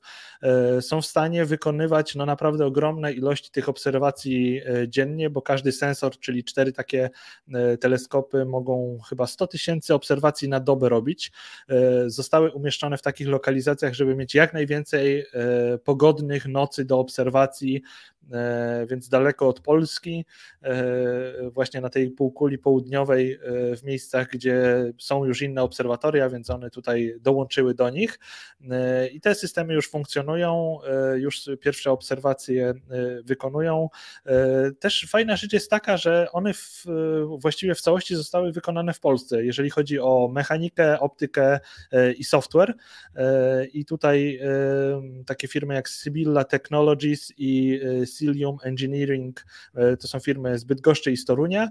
E, i z tego co śledzę Sybilla Technologies, e, to oni cały czas mają dostęp do, do tych systemów i na ich Twitterze można sobie po, pooglądać różne ich te obserwacje, zdjęcia wykonane e, obiektów kosmicznych e, i oni są w stanie nawet wykrywać tutaj jakieś takie śmieci kosmiczne mniejsze niż 10 centymetrów, więc te nasze najmniejsze CubeSaty formatu 1U to jest dla nich jakby chleb powszedni, żeby wykrywać, a przy tej ilości obserwacji, które są w stanie robić, czyli setki tysięcy, to no naprawdę jest to imponujące i dlatego no, tylko się cieszyć, że takie rzeczy powstają e, w Polsce i e, tutaj Polsa e, zamówiła taki system, a z tego co jeszcze się wgłębiałem dalej, to, to nie wszystko, bo ta firma Sybilla Technologies e, uruchamiała takie obserwacje, obserwatoria jeszcze dla innych polskich instytucji, też e, te obserwatoria rozsiane e, po całej ziemi, więc system naprawdę no, robi wrażenie. Tutaj też osiągami. No i oczywiście to jest sobie gdzieś na półkuli południowej, a jest to zdalnie sterowane z Polski. Może, może działać jakby w takim klastrze, że wszystkie obserwatoria są ustawione na jeden cel i robią sobie taką mozaikę czterech obrazów, e, e, żeby no, większy ten obszar nieba przeszukiwać, albo mogą działać zupełnie niezależnie i każdy e, śledzi jakiś zupełnie inny obiekt. Naprawdę czadowa dobrze, rzecz. Mhm. Tak? Czy mi się dobrze wydaje, że istnienie takiego systemu jest trochę pocieszające, bo jeśli tak małe obiekty możemy śledzić, jeszcze nikt nie bije na alarm, to znaczy, że jeszcze tego syndromu Kesslera nie ma, bo pamiętam jak kiedyś ktoś powiedział, że mm, no, biorąc pod uwagę tą jego kaskadowość, mhm. że być może syndrom Kesslera, nie wiem, za, zaczął się już dwa lata temu, ale przekonamy się o tym dopiero za pięć kolejnych i wtedy już będzie za późno. A mhm. skoro takie drobiny y, śledzimy, to rozumiem, że gdyby doszło do jakiejś kolizji nieśledzonych obiektów, to pewnie byśmy je zauważyli, bo ja nie wiem, czy to jest czy oni wykrywają, czy oni bardziej śledzą te, o których wiemy? Mhm. E, z rzeczy, które, które pokazywali dotychczas, to były rzeczy, które są skatalogowane, wiadomo gdzie są no. i chodziło bardziej o takie rutynowe ich śledzenie, żeby potwierdzić, ok, wiemy gdzie jest, wszystko się zgadza. E, nie, nie zauważyłem, że na razie takich jakichś nowych rzeczy. No pewnie to mhm. nie jest coś, czym się chwalą, w sensie, o, mamy tu jakąś kropkę, teraz będziemy się nad tym zastanawiać, e, więc takie, takie coś pewnie też się, też się dzieje. E, a jeżeli chodzi o ten syndrom jakby tych, tego zderzenia, że potem nam to kaskadowo będzie wzrastać, no to chyba rzeczywistość nie jest taka straszna, jak my sobie ją wyobrażamy, bo do zderzeń e, nieczynnych satelitów e, ery tej zimnej wojny już dochodziło e, i one nam się tutaj rozsypywały w kosmosie. Przecież i Amerykanie, Chińczycy i Rosjanie robili testy broni przeciwsatelitarnej i też wszyscy protestowali, ale do tych testów dochodziło i aż tak straszne rzeczy się nie działy. Oczywiście no ta chmura śmieci y, powstaje, ale nadal jakby orbita jest na tyle dużym, jakby orbita wokół Ziemska ze wszystkimi inklinacjami, wysokościami jest na tyle duża, że no jeszcze nie jesteśmy w stanie tak bardzo destrukcyjnie zrobić sobie krzywdę. Y, jakby no nie mamy jeszcze takich możliwości, ale pewnie kiedyś się to zmieni, jak te wszystkie konstelacje satelitów urosną do, do takich wielkości, jakie są planowane. No w tym momencie Czy, znaczy jeszcze ten tak, efekt nie jest taki. I tak, i może nie, bo tutaj jakby to też wydaje mi się, że ten, ten polon, w sensie ten system właśnie trakowania śmieci kosmicznych, czy, czy ogólnie no, nie tylko śmieci, no, tego co tam jest e, na orbicie, to nie jest też taki po prostu, o, że tutaj e, Polska po prostu, że, no, jak Filip z Konopi się wyrwała i o, my, my coś tam zrobimy, ale po prostu Europejska Agencja Kosmiczna też um, działa w kierunku właśnie czegoś, co się nazywa Space Situation Awareness, tak? czyli właśnie trakowania tych śmieci kosmicznych i, i satelitów, żeby właśnie wiedzieć, co tam się dzieje. Um, działa też na rzecz zmiany prawa, aby po prostu wszystko, co teraz leci, miało e, mm, po prostu mechanizmy deorbitacyjne, mm, aby nie, nie było to zostawiane po prostu od tak e, sobie, mm, tak jak robiono kiedyś. Więc miejmy nadzieję, że tutaj po prostu zmienia się też taka, no, jak to się mówi, policy, polityka z tym związana. A jeszcze jedna ciekawa rzecz, no tutaj właśnie to jest też, zwróćcie uwagę, jakby ciekawe zastosowanie mm, wiedzy na temat astronomii, astrofotografii, tak? Mm, bo y, no, owszem, można takie teleskopy używać do, do właśnie śledzenia tych bardzo dalekich obiektów, ale można też wykorzystywać do śledzenia tych bardzo bliskich. I tutaj właśnie ta firma Sybilla Technologies no to jest złożona chyba głównie z astronomów właśnie, którzy, mm, którzy, y, którzy tam właśnie pracują, bo oni mają tą wiedzę dzięki której mogą, mogą taki system właśnie trackingu mm, tych rzeczy na orbicie zrobić. Tutaj właśnie zdjęcie chyba Mariusza Słoniny, jeśli, jeśli tak. dobrze ro, mhm. rozszyfrowuje nowego EXA. Tak, tak, tak, tak, dokładnie. No, y, powiem tak, y, mi też się wydaje, że chyba największe zagrożenie y, stanowią przede wszystkim te stare rzeczy, te nowsze już są bardziej odpowiedzialnie tam umieszczane i nie wiem, chyba tylko Chińczycy w zasadzie dalej no tak jakby sobie lekceważą te rzeczy. Reszta wydaje mi się, że już jednak poważniej do tego podchodzi. Znaczy też jest e, teraz tak, że mm, takie demonstratory technologii, satelity eksperymentalne, to wszystko leci sobie y, w tych misjach takich współdzielonych na y, orbitę polarną, to, tę heliosynchroniczną, to co y, te transportery SpaceXowe, no to to jest te 5, między 500 a 600 kilometrów, więc nawet jak coś tam się podzieje, że się nie uruchomią te rzeczy, że zostaną w kosmosie, to to jest zawsze kwestia kilku lat, zanim to się zdeorbituje. Tak. E, a kiedy, kiedy w kosmos leciały te wszystkie e, satelity szpiegowskie, takie e, Związku Radzieckiego, no jakby te zimnej wojny i tak dalej, to zawsze były te orbity takie tysiąc ileś kilometrów, dwa tysiące kilometrów, a i wtedy ten czas pozostawania w kosmosie bardzo tak jakby ro, rośnie w dziesiątki lat. E, I, i, I, dlatego da, teraz mamy właśnie takie, że e, satelita Kosmos 6000 coś tam, coś tam zderzył się z czymś tam, nie wiem, nieczynnym satelitą telekomunikacyjnym. E, no bo są na tyle wysokich orbitach, że to jednak zostało do teraz i jeszcze będzie przez bardzo długo e, orbitować. Te, teraz jakby no, ten savoir vivre, ta, ta higiena orbitalna jest no, faktycznie, e, faktycznie wyższa. No i te, te systemy dba się też o to, żeby jednak było jakieś życie po życiu ich, e, żeby jakoś gospodarować, kiedy już e, e, jakby stracą swoje funkcjonalności. No tylko, że znowu jakby pchamy w kosmos tego o wiele więcej niż, niż wcześniej, więc nawet jak spora większość z tego jest odpowiednio tam umieszczana, to dalej jest jakiś ten odsetek, który po prostu zostaje kosmicznym śmieciem i, no, i są, tworzą się te problemy. Mhm. Więc tym bardziej system taki jak Polon tutaj jest ważny, no i fajnie, że, że coś takiego powstało u nas. Znaczy, no nie u nas fizycznie, ale znaczy powstało w Polsce, a stoi sobie gdzieś teraz e, w, fajnej miejscówce e, w Ameryce Południowej, Afryce czy Australii.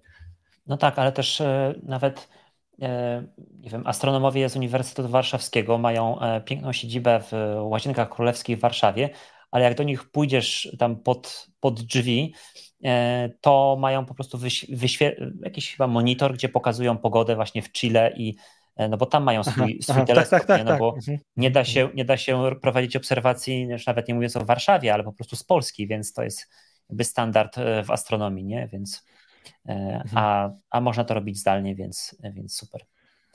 Dobrze, lecimy, lecimy dalej. Tak. I pozostajemy w Polsce. Ale może troszeczkę bardziej w Europie, mm, bo w tym miesiącu pojawił się taki news o tym, bardzo mm, dobry, mm, świetny, że właśnie Polska zdecydowała się zwiększyć e, składkę w Europejskiej Agencji Kosmicznej. I tutaj na tym e, zdjęciu, na tym zdjęciu jest pani. Kamila Król? Kamila tak, Król, e, tak. wiceminister e, Ministerstwa Rozwoju i Technologii. Tak, podsekretarz stanu w Ministerstwie e, Rozwoju i Technologii. A ten pan, może, może kojarzycie, to jest dyrektor generalny Europejskiej Agencji Kosmicznej, Joseph mm, Aschbacher, który, no i właśnie ogłoszono, że Polska zwiększa tą składkę. I teraz, na co zwiększa? Są takie pięć jest takich głównych filarów, e, głównych punktów, czyli jest e, po pierwsze mm, taki program mm, budowy satelitów obserwacyjnych dla Polski we współpracy z Europejską Agencją Kosmiczną, mm, program też rozwoju technologii ogólnie Po trzecie, udział Polski w programach takich standardowych ESA. Cztery, dostęp do badań na Międzynarodowej Stacji Kosmicznej. I piąty, staże dla Polaków Europejskiej Agencji Kosmicznej. To wiemy na pewno, właśnie to będą te, te pięć punktów właśnie z tej zwiększonej składki. Eksperci ESA pomogą polskim firmom zbudować pierwsze egzemplarze satelitów mm, nowych mm, i one zostaną oczywiście te dane mm, wykorzystane w administracji e, publicznej. Na przykład, nie wiem czy wiecie, że właśnie Polska Agencja Kosmiczna teraz e, otworzyła, znaczy uruchomiła taki już taką pilotażową wersję Narodowego Systemu Informacji Satelitarnej, tak? E, z którego to właśnie będzie można korzystać informacji na temat właśnie dla rolnictwa, przemysłu i, i tak dalej. I dodatkowo, jeśli tutaj Polska zbuduje i wystrzeli właśnie swoje dodatkowe satelity, to one uzupełnią właśnie te, ten Narodowy System Informacji Satelitarnej, no bo do tej pory no pewnie będziemy musieli po prostu kupować komercyjnie i e, te dane ewentualnie uzupełniać tymi darmowymi z e, programu Copernicus. E, ale kiedy będziemy mieć swoje satelity, to no, wiadomo, będziemy mogli korzystać z tych danych za darmo. Mm, co jeszcze? Ogłoszono też nabór właściwie takich pomysłów na badania, które będzie można przeprowadzać na pokładzie Międzynarodowej Stacji Kosmicznej. Stety, niestety deadline był do wczoraj, więc E, ogłoszono to na początku tego, na początku lipca i deadline był od razu do, na, e, na koniec lipca, więc jeśli jesteście właścicielem polskiej firmy, no to już niestety nie możecie składać, ale myślę, że te kilka, kilkanaście podmiotów, które były zainteresowane, myślę, że jednak e, wiedziały. I, i teraz przechodzimy chyba do największej tajemnicy związanej z Mm, właśnie z, z, tym, z tym newsem, nie newsem. Znaczy, to, że zwiększamy, jest, wydaje mi się, że pewne. Natomiast tak naprawdę nie wiemy o ile, bo kiedy pojawił się ten news, to od razu była taka informacja, o ile zwiększamy i na co. Natomiast w oficjalnych materiałach mm, przekazanych przez Polską Agencję e, Kosmiczną tych kwot nie ma. Natomiast tu jest E, z, zrobiłem screena z posta e, polskiej firmy właśnie Capelabs na LinkedInie, w którym to są pewne kwoty podane, tak? Czyli że um, Polska zwiększa swoją składkę do Europejskiej Agencji Kosmicznej do 295 milionów euro. Um, to jest no, bardzo dużo już. E, wcześniej to chyba było gdzieś około 49 milionów, mhm. gdzieś tak. 40 coś, kilka. Mhm. Tak, więc, więc ten wzrost jest absolutnie gigantyczny. Gdzieś też się doczytałem, że mm, to mm, stawia nas no, po prostu na poziomie nie wiem, Wielkiej Brytanii, e, czyli naprawdę tych dużych państw, które sporo e, pieniędzy wpłacają do, do Europejskiej Agencji Kosmicznej i to oczywiście e, później też wraca do polskich firm. Więc no, tutaj już wielokrotnie mówiliśmy o właśnie polskich firmach, które tam wysłały Kreta na Marsa, czy, czy budowały właśnie te komponenty do Euclida, czy um, dzisiaj jeszcze mówiliśmy o Juice oczywiście, więc jeśli Polska wpłaca więcej, no to też więcej do nas będzie wracało, znaczy do nas, do, do polskich firm i na, przez kolejne lata w, e, podczas e, of SpaceX YZ będziemy mówić o większej ilości polskich um, instrumentów, um, czy nawet tych właśnie jakichś eksperymentów, które mogą polecieć na Międzynarodową Stację Kosmiczną zaproponowanych przez um, polskie, polskie firmy. I tu jest od razu właściwie, chyba możemy zrobić taki E, mostek do, do, do, do kolejnej informacji, bo mm, mówiliśmy też o tym chyba po, poprzednim razem, że cały czas jest temat e, udziału Polaka, e, Sławosza Uznańskiego w załogowej misji na Międzynarodową Stację Kosmiczną. Był taki chyba falstart z tym newsem, ogłoszono, że niby, znaczy niektóre media, chyba Interia, jakieś tam lokalne media mm, e, z Łodzi e, poinformowało o tym, a później tak naprawdę się okazało, że to jest chyba falstart, bo jeszcze pewnych rzeczy mm, nie dogadano. Natomiast e, tutaj niektórzy, niektórzy sugerowali, że mm, to, co jest napisane na tym, na tym slajdzie, że, że 100 milionów euro pójdzie na exploration, to być może właśnie to jest ta kasa, e, która pójdzie na e, lot e, Sławosza.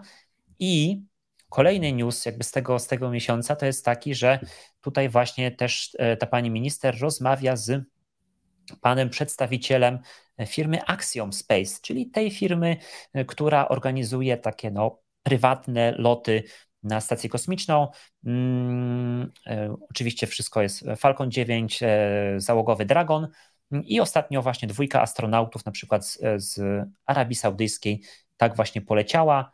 Parę miesięcy temu chyba też mieliśmy takiego newsa o tym, że Szwecja właśnie zakontraktowała lot swojego astronauty mm, przez Axiom właśnie mm, i być może właśnie jakby tu już jest tyle różnych takich ploteczek, które z tej strony idą, z tej strony idą, z tamtej strony idą, więc ja myślę, że to wszystko wskazuje na to, że w tej chwili właśnie prowadzone są rozmowy właśnie z Axiomem, aby e, właśnie Sławosz poleciał na stację kosmiczną i po co był ten taki bardzo szybki call, jak to się mówi ładnie po polsku, nie po angielsku, czyli to wezwanie, zaproponujcie jakieś eksperymenty na Międzynarodowej Stacji Kosmicznej, bo gdyby Sławosz poleciał, to on je będzie najprawdopodobniej po prostu wykonywał na stacji kosmicznej.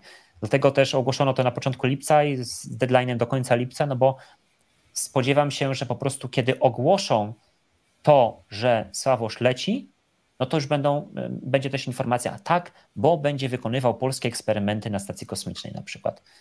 Mm, więc no tutaj, to się mówi, wróbelki ćwierkają e, takie, takie informacje. No ja ze swojej strony y, powiem, że no jest sporo tych newsów. Ja pozostaję sceptyczny, y, jakby uwierzę, kiedy zobaczę, bo trochę przez to widzę jakby też taką po prostu polską politykę, żeby gdzieś tam bić pianę i robić szum E, i że nawet ten z zeszłego miesiąca wyciek, o, że będziemy mieli polskiego astronautę, że zwiększamy składkę, że to było po części po to, żeby gdzieś tam w świadomościach, świadomości ludzi zaistniało, że tak, angażujemy się tutaj bardziej, a potem się może to rozejść po kościach i nic się właściwie nie stanie, że, że to jest tylko taki komunikat, że o, jacy jesteśmy silni, jakie rzeczy robimy, a potem jakby nie, nie przejdzie to do konkretów, no bo mówi się o wzroście tej składki, ale właśnie oficjalne kanały nie mówią e, konkretnie na co, tylko dowiadujemy się o tym takimi bocznymi źródłami od powiedzmy no, poinformowanych ludzi, ale nie wprost z tych oficjalnych źródeł, czyli tutaj tak jak Czy no, mówiłeś, że... Kuba, ja, myśl, mhm. ja myślę, że no, po prostu tak naprawdę no, trwają w tej chwili negocjacje, nie wiemy, czy to specjalnie był ten wyciek wcześniej o Sławoszu, czy to tak po prostu komuś tam się chlapnęło, czy już miało być, coś tam było dogadane, ale mhm. nagle się ostatnio, w ostatniej chwili ktoś coś tam wycofał, zmienił zdanie i tak dalej. Natomiast tutaj to jest tak jak, to jest oczywiście moje bardzo prywatne zdanie, że tak jak, nie wiem, z plotkami o nowym iPhone'ie, czy tam jakimś nowym Samsungu Galaxy S25,5, to Premiera jest tam któregoś tam miesiąca, ale przed tym to już tak po prostu przecieki są, o, bo wiadomo, będzie miał 10 kamer, 7 lidarów i, i, i 3,5 wyświetlacza, nie? I tak samo, jeśli dużo słyszymy plotek, które mniej więcej wskazują podobno, podobny kierunek, to ja myślę, że, że można założyć, że, że jakby no. Mhm. Są prawie, prawie że y, wiarygodne. Natomiast musimy jeszcze pamiętać, jeszcze są wybory w tym roku w Polsce i tak dalej, więc tutaj mhm. wiele rzeczy się może jeszcze zdarzyć, no chociaż wydaje znaczy, mi się, że bo, gdyby to bo było mnie, mnie chodzi tylko, y, tylko o to jakby takie, takie standardowe, jak to jest z projektami. Jest budżet, jest termin, jest projekt.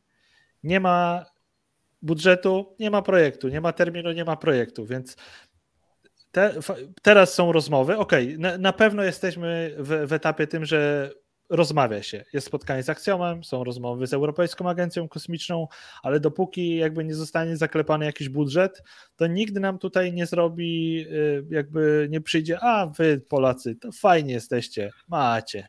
Nie ma no, takiej ja opcji. Będzie budżet, bardzo... będzie się działo.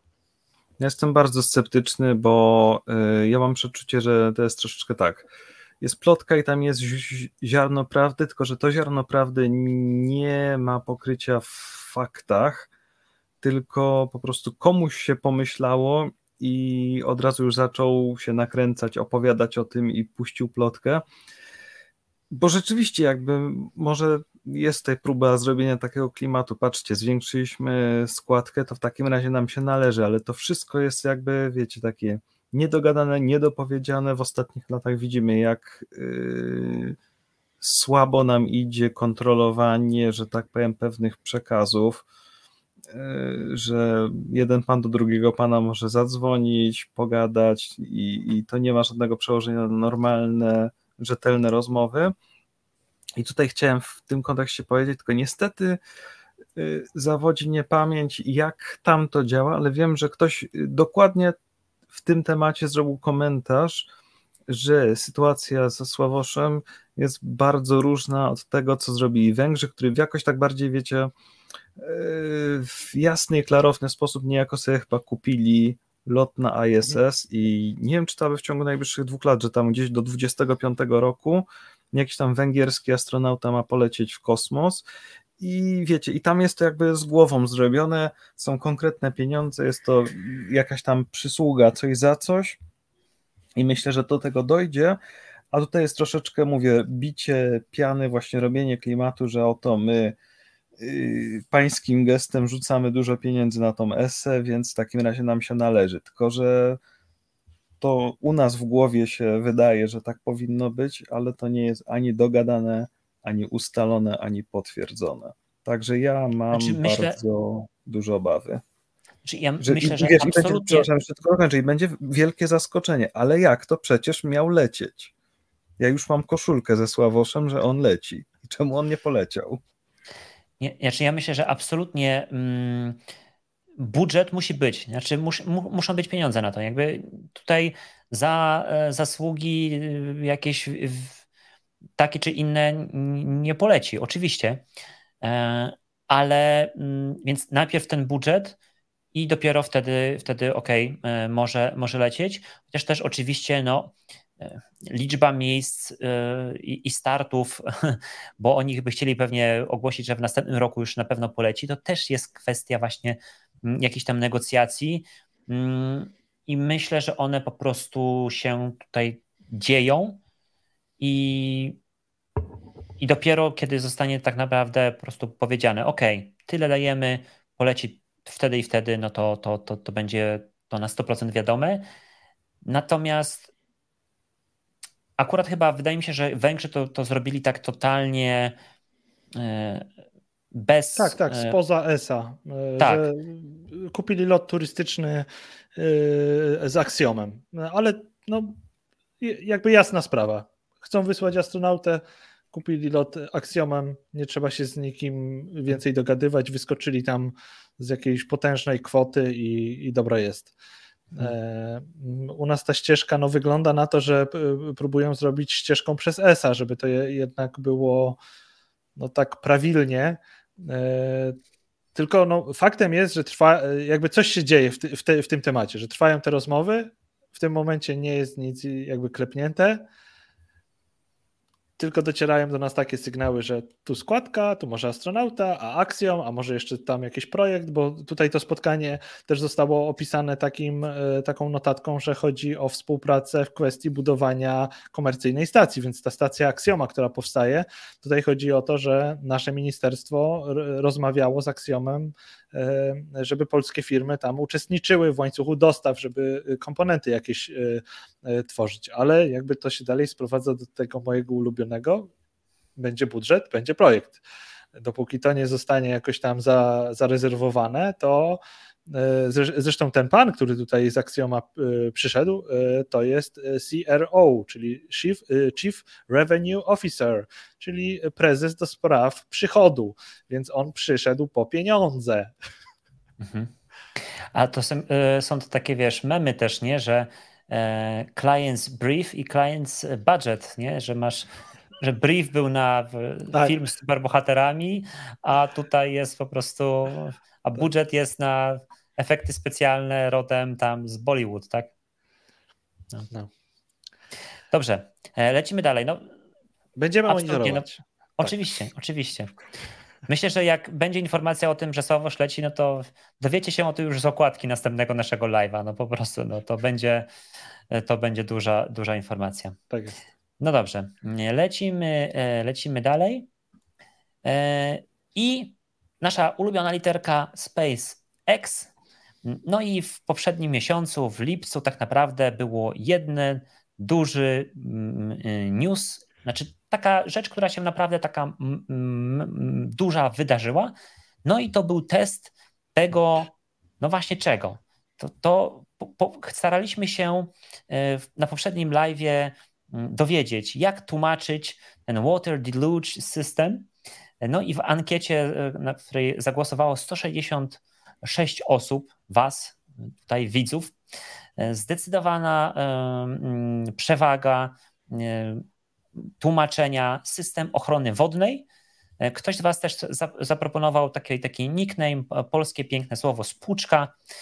Widziałem też w internecie pojawiły się mniej pochlebne określenie jak bidet, ale myślę, że system ochrony wodnej e, alias spłuczka jest bardzo dobrym, mm, dobrym tłumaczeniem i wyglądał ten test mianowicie w ten sposób, no naprawdę wylano mnóstwo, mnóstwo, mnóstwo wody.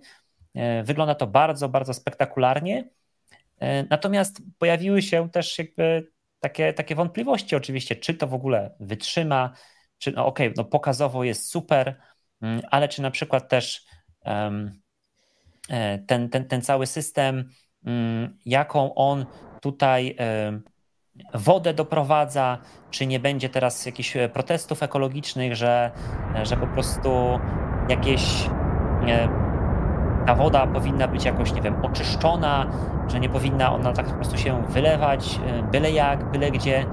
Mm, no, myślę, że teraz największą, największym problemem, jeśli chodzi o przygotowanie e, Starshipa do kolejnego orbitalnego e, startu, jest właśnie mm, tak naprawdę nie ta infrastruktura, e, tylko właśnie zgoda od FAA, a tam jeszcze jest w tle proces wytoczony właśnie FAA za to, że właśnie ta agencja e, pozwoliła SpaceXowi na ten start, który był tak e, no, nieprzygotowany tak, wobec e, zdaniem tych osób, które. które, Właśnie, które zdaniem, zdaniem tych osób, które skarżyły nie, nieprzygotowane. To jest ważne, bo jeżeli chodzi o te wszystkie strefy wykluczenia i strefy bezpieczeństwa, no to jakby rzeczy spadały tam, gdzie mogły spadać. Nie, to, to oczywiście prawda. Oczywiście prawda. E, I mm, co się wydarzyło jeszcze, jeszcze, jeszcze w tym miesiącu, e, to mm, właśnie oprócz tego testu, tutaj też e, od razu widzicie, że na OLM Orbital Launch Mount zawitał booster, booster dziewiąty, tak, dobrze, dobrze mówię, mm, i został przeprowadzony też test właśnie napełniania e, kryogenicznym e, paliwem i po prostu testu e, właśnie już tego boostera bezpośrednio na Orbital Launch Mount. No i teraz myślę, że następna rzecz, na którą z wypiekami na twarzy możemy poczekać, to będzie oczywiście Static Fire razem z testem właśnie spłuczki bidetu, e, prysznica. E, jeszcze w tym miesiącu, na początku tego miesiąca, ci wszyscy właśnie amerykańscy obserwatorzy, obserwatorzy tego, co się dzieje w Boca Chica, to po prostu po nocach siedzieli i liczyli, ile tam ciężarówek z betonem właśnie przyjeżdżało pod, pod OLM i, i wylewało beton. Tydzień, nie, tydzień temu, miesiąc temu właśnie mówiliśmy o tym, pokazywaliśmy zdjęcia właśnie montowania pierwszych tych elementów właśnie mm, tej spłuczki, a tutaj już po miesiącu widzimy, że to generalnie działa. Znaczy bez uruchamiania się raptorów, tak?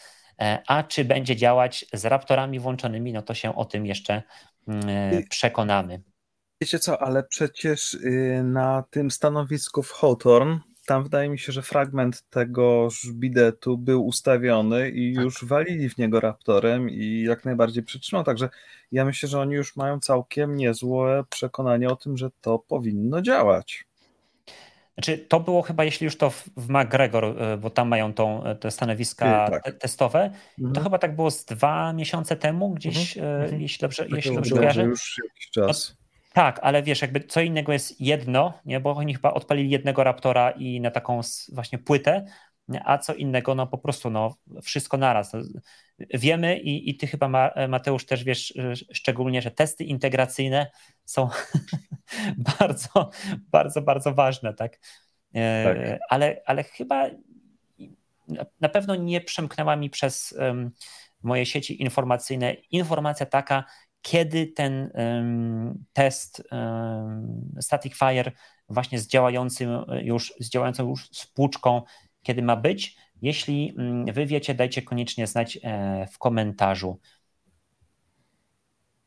Tutaj Ninja jeszcze podpowiada, że na pewno będzie e, spin prime e, robiony, czyli rozruch tych turbopomp. Znaczy tych testów pewnie no, będzie jeszcze troszkę, zanim odpalenia silników się doczekamy. Mhm. No ja jestem niezmiernie ciekaw, jak to będzie podczas startu, jak już w końcu się to wszystko złoży i znowu te mhm. silniki e, uderzą tymi tonami ciągu w podstawę e, platformy startowej, no to zobaczymy, co się będzie działo z tym systemem ochrony wodnej, ze spłuczką, e, no bo w tym momencie to zostało tak wyrzucone w cudzysłowie na luzaka do góry, no bo żadna siła się temu nie, przed, nie przeciwstawiła, a kiedy będziemy mieli ciąg tych wszystkich raptorów, no to ta woda będzie mocno dociśnięta tam.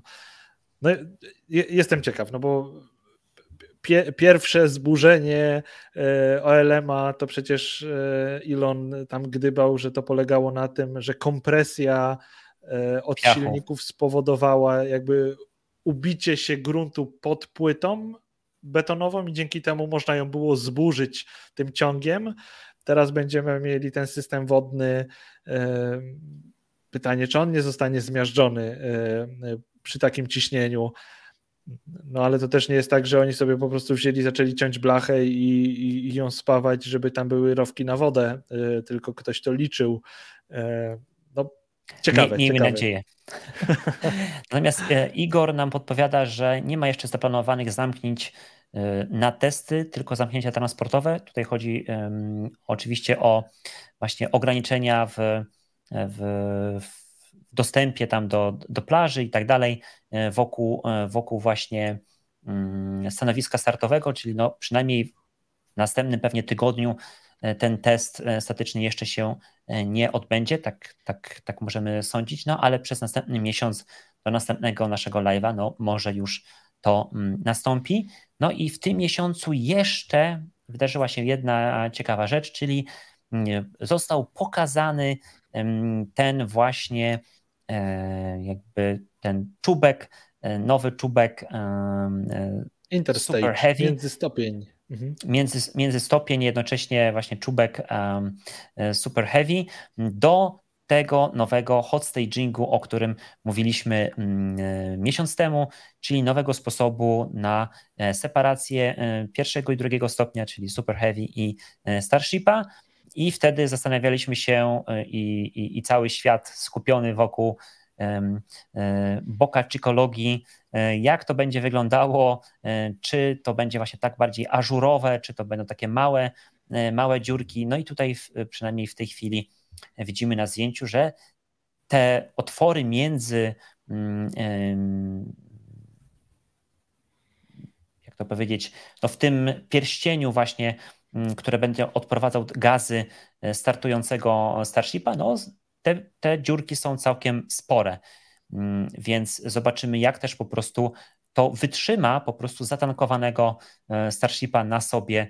Miejmy nadzieję, że to też ktoś policzył i, e, i że startujący Starship przetrwa Max Q i tak dalej, i tak dalej. Mhm.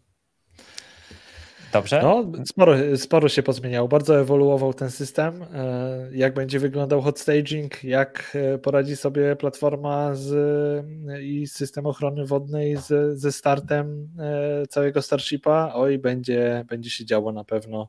Jak kiedy tylko SpaceX dobrnie do etapu wystrzelenia, bo w tym momencie ilość tych kłód pod nogami to trochę im się tam namnożyło. Tak jest. E, lecimy dalej, bo tematów jest jeszcze sporo, więc um, przechodzimy do drugiej części segmentu SpaceXowego, SpaceX i F. E, więc mieliśmy start kolejnego e, Falcona Heavy. To już jest trzeci start Falcona Heavy w tym roku, co naprawdę nam tutaj po prostu dopisuje Długo, e, długo tych, e, te Falcony Heavy nie latały, e, ale to jest już siódmy start Falcona Heavy od debiutu w 2018 roku. I co warto powiedzieć, ten, podczas tego startu został wyniesiony na orbitę satelita Jupiter 3, Jupiter 3, który jest po prostu takim satelitą telekomunikacyjnym do przekazywania satelitarnego internetu i to jest e, największy, e, naj, największy, najcięższy mm, satelita mm, telekomunikacyjny, mm, prywatny, cywilny, e, który został wyniesiony w kosmos, bo on ważył 9200 kg, a poprzedni rekordzista, również wyniesiony przez SpaceX, ale przez Falcona 9, to było tylko 7076 kg. Mm, to był e, satelita mm, Telstar 19. A, nie, dobra, Telstar okay. 19 w lipcu 2018 roku e, wyniesiony. Więc tutaj naprawdę 9 ton na GTO właśnie Falcon Heavy wyniósł. E, dwa boczne boostery wróciły, wylądowały, ale ten człon mm, właśnie centralny od razu leciał w wersji jednorazowej, nie miał, e, nie miał nóg, nie miał mm, tarek. Wiadomo było, że, że musi zostać poświęcony, aby właśnie tak ciężkiego satelitę mm, na tak e, odległą orbitę e, wyprowadzić. I co jeszcze warto powiedzieć, to był też 250 udany start um, SpaceXa. Nieźle, nieźle. Mają czym, to to wynoszą. E, tak jest. Znaczy, to zabawne, bo w sumie ten Falcon Heavy miał mieć chyba krótsze życie, wiecie, te mm, ambitne plany były takie, że teraz już powinien latać Starship, ale jako, że to się odwleka, to chyba dzięki temu ten mhm. Falcon Heavy jeszcze troszkę z nami zostanie, co jest bardzo znaczy, widowiskowe. Pierwsze, no pierwsze, i... pierwsze plany też jeszcze były takie, że mm, Falcon Heavy miał latać częściej, dlatego że mm, wtedy, kiedy go zaczęto projektować, to Falcon 9 był słabszą rakietą, tak? a kolejne e, upgrade'y e, spowodowały, że, że można po prostu już e, wysyłać pewne rzeczy też właśnie Falconem 9. Mhm, mhm. Dlatego tych Falconów Heavy nie było aż tak dużo, ale owszem, jakby zamysł był taki, że jak najszybciej po prostu prze, prze, um, przestawiamy się na Starshipa, no ale tutaj też nie jest łatwo, nie jest lekko, i nawet, nawet SpaceXowi i, i to się po prostu e, przedłuża.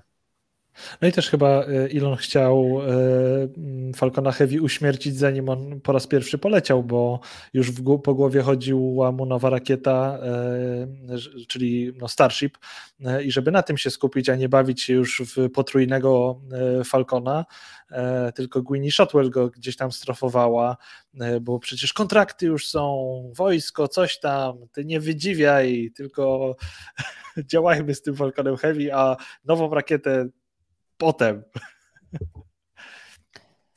Tak jest. Tak I jest. jeszcze trzeba, mm, trzeba jeszcze powiedzieć o jednej rzeczy, mianowicie mm, dwa starty e, Falconów 9 w tym miesiącu e, pobiły kolejny rekord, bo e, do, jeszcze do niedawna w, najbardziej wyeksploatowany Falcon startował i lądował 15 razy, a w tym miesiącu ten rekord został pobity aż dwa razy. 10 lipca booster B1058 i 16 lipca booster 1060 poleciały 16 razy. No i teraz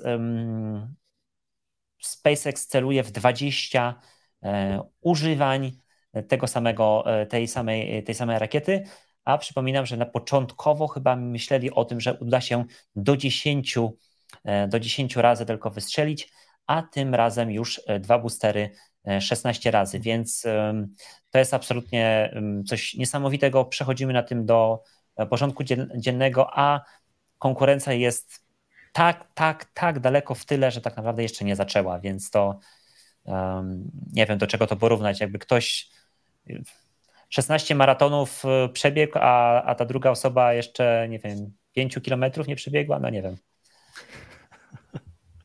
No pamiętam jak e, rok czy dwa lata temu gdybaliśmy, jak to będzie, jak oni dobiją do tych 10 startów, co będą robić z tymi boosterami, które przetrwały, czy dalej je będą próbować, aż je zniszczą, czy może już, nie wiem, będą je wyrzucać.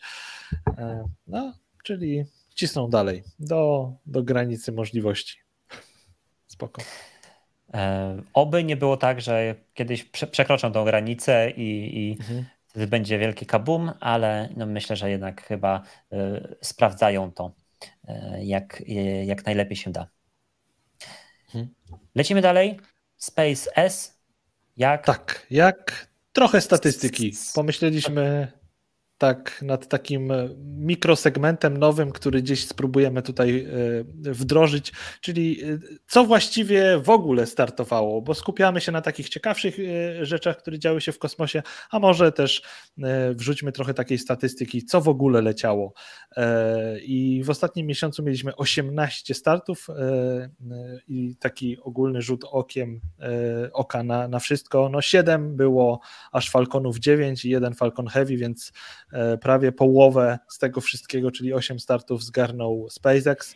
E, tutaj goniły Chiny, e, bo mieliśmy długie marsze 2, długi marsz 2, rakieta długi marsz 2 startowała trzykrotnie, no i też Chińczycy prywatnej firmy wystrzeliły pierwszą orbitalną rakietę na metan, czyli Zukue ZQ-2, E, czyli szkarłatny ptak.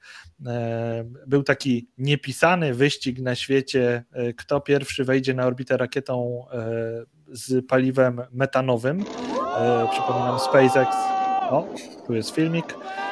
SpaceX buduje Starshipa właśnie na metan, ale wyprzedzili ich Chińczycy rakietą ZQ-2 i to też nie jest tak, że to jest taki przerobiony ICBM, tylko można powiedzieć, że to jest pełnoprawna E, prywatna rakieta zbudowana od zera, na pewno z wielką pomocą e, ichniejszych korporacji państwowych, instytucji publicznych, e, czy tam ich agencji kosmicznej, no bo przecież SpaceX te, też tak zaczynał. Ciężko jest samemu zbudować od zera rakietę orbitalną bez współpracy z no, gigantami państwowymi, e, ale no, tutaj e, wielki sukces, że, że im się to udało, bo pierwsze podejście mieli chyba w grudniu 2022, e, nie zadziałał odpowiednio drugi stopień i nie weszli na orbitę. W przypadku tej misji udało się wejść na orbitę. Ładunku chyba nawet nie było na pokładzie, tylko jakiś ewentualnie symulator masy i tutaj potwierdzenie o tym, że ta misja się powiodła, nawet to potwierdzenie przyszło ze Stanów Zjednoczonych, bo instytucje te wojskowe amerykańskie, które śledzą obiekty orbitalne, skatalogowały ten drugi stopień e, tej rakiety, e, więc no, Chińczykom e, się udało i jest tutaj dość konkretny gracz teraz na rynku. No, na rynku takim chińskim, bo żadne pewne euro, pewnie europejskie czy amerykańskie firmy nie pozwolą sobie umieszczać swoich ładunków na pokładzie chińskiej rakiety ze względu na te różne sankcje międzynarodowe. Tak czy inaczej, Chińczycy wystrzelili to i jeszcze wystrzelono małą Ceres 1. Aha, jeszcze tego Kuaitiao 1A, czyli przerobiony ICBM e, na rakietę orbitalną, więc e, Chińczycy też tutaj sporo. Ile? 4, 5, 6, 6 startów. E, kolejne rzeczy, bardzo smutna rzecz, odchodzi na emeryturę rakieta Ariane 5. Ostatni start w, w lipcu był naszej Arianki, która no, już nie była taką może nowoczesną rakietą na dzisiejsze czasy, ale jednak trochę nostalgii jest. E, ostatnia jej misja, a niestety jej następczyni Ariane 6 jest nadal nie gotowa, więc będziemy mieli okres miesięcy, mam nadzieję, że nie lat, gdy Europa nie posiada swojej ciężkiej rakiety do wynoszenia no, dużych ładunków w kosmos. Co dalej? Ostatnie tak? Czy ja tak, dobrze tak? rozumiem, że tutaj słuchacze nie widzą, ale część z nas widzi, y, te, te zestawienie jest do skali, tak? Tak, w skali. Y, wyskalowałem Super. to, żeby Super. te rakiety, które są na grafice, żeby względem siebie były odpowiedniej wielkości i sam, samo mnie to zaskoczyło, bo myślałem, że ten chiński szkarłatny ptak to będzie taka rakietka w stylu Elektron, taka malutka, e, a to się okazuje, że to jest kawał rakiety na wielkość e, e, jakiegoś ja myślę, że Ariane jest większa. Nie, tu, Ariane jest tu właśnie jest taka, taka krótka. To jest 50 kilka metrów, e, Falcony mają 70, a ten ZQ2 jest 40 chyba 9-metrowy, wydaje mi się, no więc też taki konkret, no tak porównywalny z Sojuzem rosyjskim. Aha, właśnie, zapodział się tutaj elektron, więc Rocket Lab też wystrzelił jednego elektrona to, to też trzeba Rocket Labowi oddać, że ok, nie wystrzeliwują tyle, ile SpaceX, bo SpaceX idzie teraz na jakiś ogromny rekord w tym roku. E, nie wiem, oni chyba chcą zrobić 100 startów e, w 2023, nieważne. E, jakby no, czegoś takiego nikt inny nie jest w stanie tutaj powtórzyć, ale Rocket Lab w zeszłym roku wystrzelił elektrona 9 razy, co jak na prywatną firmę branży rakietowej, to jest no, imponująca też rzecz, bo e, SpaceX to jest w ogóle jakby inna bajka. To jest inny wszechświat rakietowy, oni tam sami siebie gonią, e, a cała reszta gdzieś tutaj się zmaga między sobą i Rocket Lab e, ma imponujące osiągi, no i też to im trzeba oddać, że jako chyba jedyni w tym zachodnim świecie naprawdę zabrali się za budowanie rakiety wielokrotnego użytku, jakby wdrażania tego systemu w elektronie. Co prawda, tak personalnie uważam, że w elektronie oni tego finalnie nie wdrożą. Że w tym momencie elektron służy im tylko do uczenia się bezpiecznego sprowadzania na Ziemi pierwszego stopnia i wszystko to, czego się nauczą, wsadzą do neutrona, do tej nowej rakiety. A elektron jakby to jest za mała rakieta i jednak się y, jakby nie będą w to bawić do końca, ale wszystko, czego się nauczą, y, umieszczą w kolejnym y, swoim projekcie, czyli w neutronie. Dobra, żebym nie przeciągał tej statystyki za długo, ostatnie dwie rakiety to był LVM3, czyli dawny GSL rany. Jakie te indyjskie rakiety mają nazwy? Bo mają po prostu oznaczenia. E, ich największa rakieta, która poleciała z misją Chandrayaan 3, e, czyli Launch Vehicle Mark III, e, poleciał i też Polar Satellite Launch Vehicle PSLV też wystartował w jednej misji, więc Indie w tym zestawieniu dwa razy wystrzeliwały no i dziwne, e, nie mieliśmy żadnego wystrzelenia z Rosji, ale może będziemy mieli w przyszłym miesiącu e, i to coś konkretnego, ale o tym potem. Dziękuję. Dokładnie. I e, jeszcze Space N na końcu. N jak neutron od Rocket Lab. Tutaj bardzo krótki news, bo tak naprawdę w ogóle Rocket Lab się tym nie pochwalił ale po prostu na swojej stronie internetowej podmienił mm, wizualizację tego, jak będzie wyglądał neutron, czyli ich następna e, rakieta. Mm, I tutaj, żebyście mogli sobie to zobaczyć, po lewej stronie jest ta stara wersja, po prawej nowa, więc największą różnicą, którą widać jest taka, że stara wersja miała takie chyba po prostu na, na stałe zamontowane nogi, a ta nowa ma takie rozkładane, bardziej przypominające nogi od Falcona 9 i te takie płetwy, takie lotki, które trochę wyglądają jak chyba z, z, New Glena, e, rakiety od Blue Origin, właśnie teraz tak trochę zmieniły kształt i przesunęły się do góry. Rakieta też tak jakby wysmuklała. E, to widzimy od razu jakby na pierwszy e, rzut oka, ale tak jak mówię, Rocket Lab w ogóle nie podzielił się żadnymi nowymi informacjami na, w swoich kanałach. Mm, i to już było chyba wiadome wcześniej, że właśnie e, podczas pierwszej tej prezentacji neutrona to ta mm, owiewka, mm, w owiewkach, e, w których zamknięty jest tak naprawdę drugi stopień, i one nie są nigdy odrzucane, no to w tym pierwszym projekcie miało być ich cztery połówki. Wyglądało to jak z filmów z Jamesem Bondem z lat 70., jakiś tam chyba Moonraker czy coś takiego. Mm, natomiast teraz ten no, nowszy y, design pokazuje, że po prostu będą tylko dwie połówki mm, i tutaj troszeczkę właśnie widać y, na tej y, wizualizacji, jak te nogi zostały tak troszeczkę właśnie przeprofilowane i, y, i, i te również lotki, nie wiem jak to nazwać, płetwy, e, mm, również troszeczkę zmieniły e, swój kształt. No i oczywiście to jest jak najbardziej e, zrozumiałe, że im bliżej startu, no to po prostu oczywiście mm, ten, ten design finalny tej rakiety jest jakby coraz bardziej dopracowywany. To oczywiście też widać po tym, co robi SpaceX ze Starshipem, że po prostu, ok, był taki bardzo ogólny plan i z każdą kolejną e, wersją, iteracją jest coraz bardziej mm, konkretny.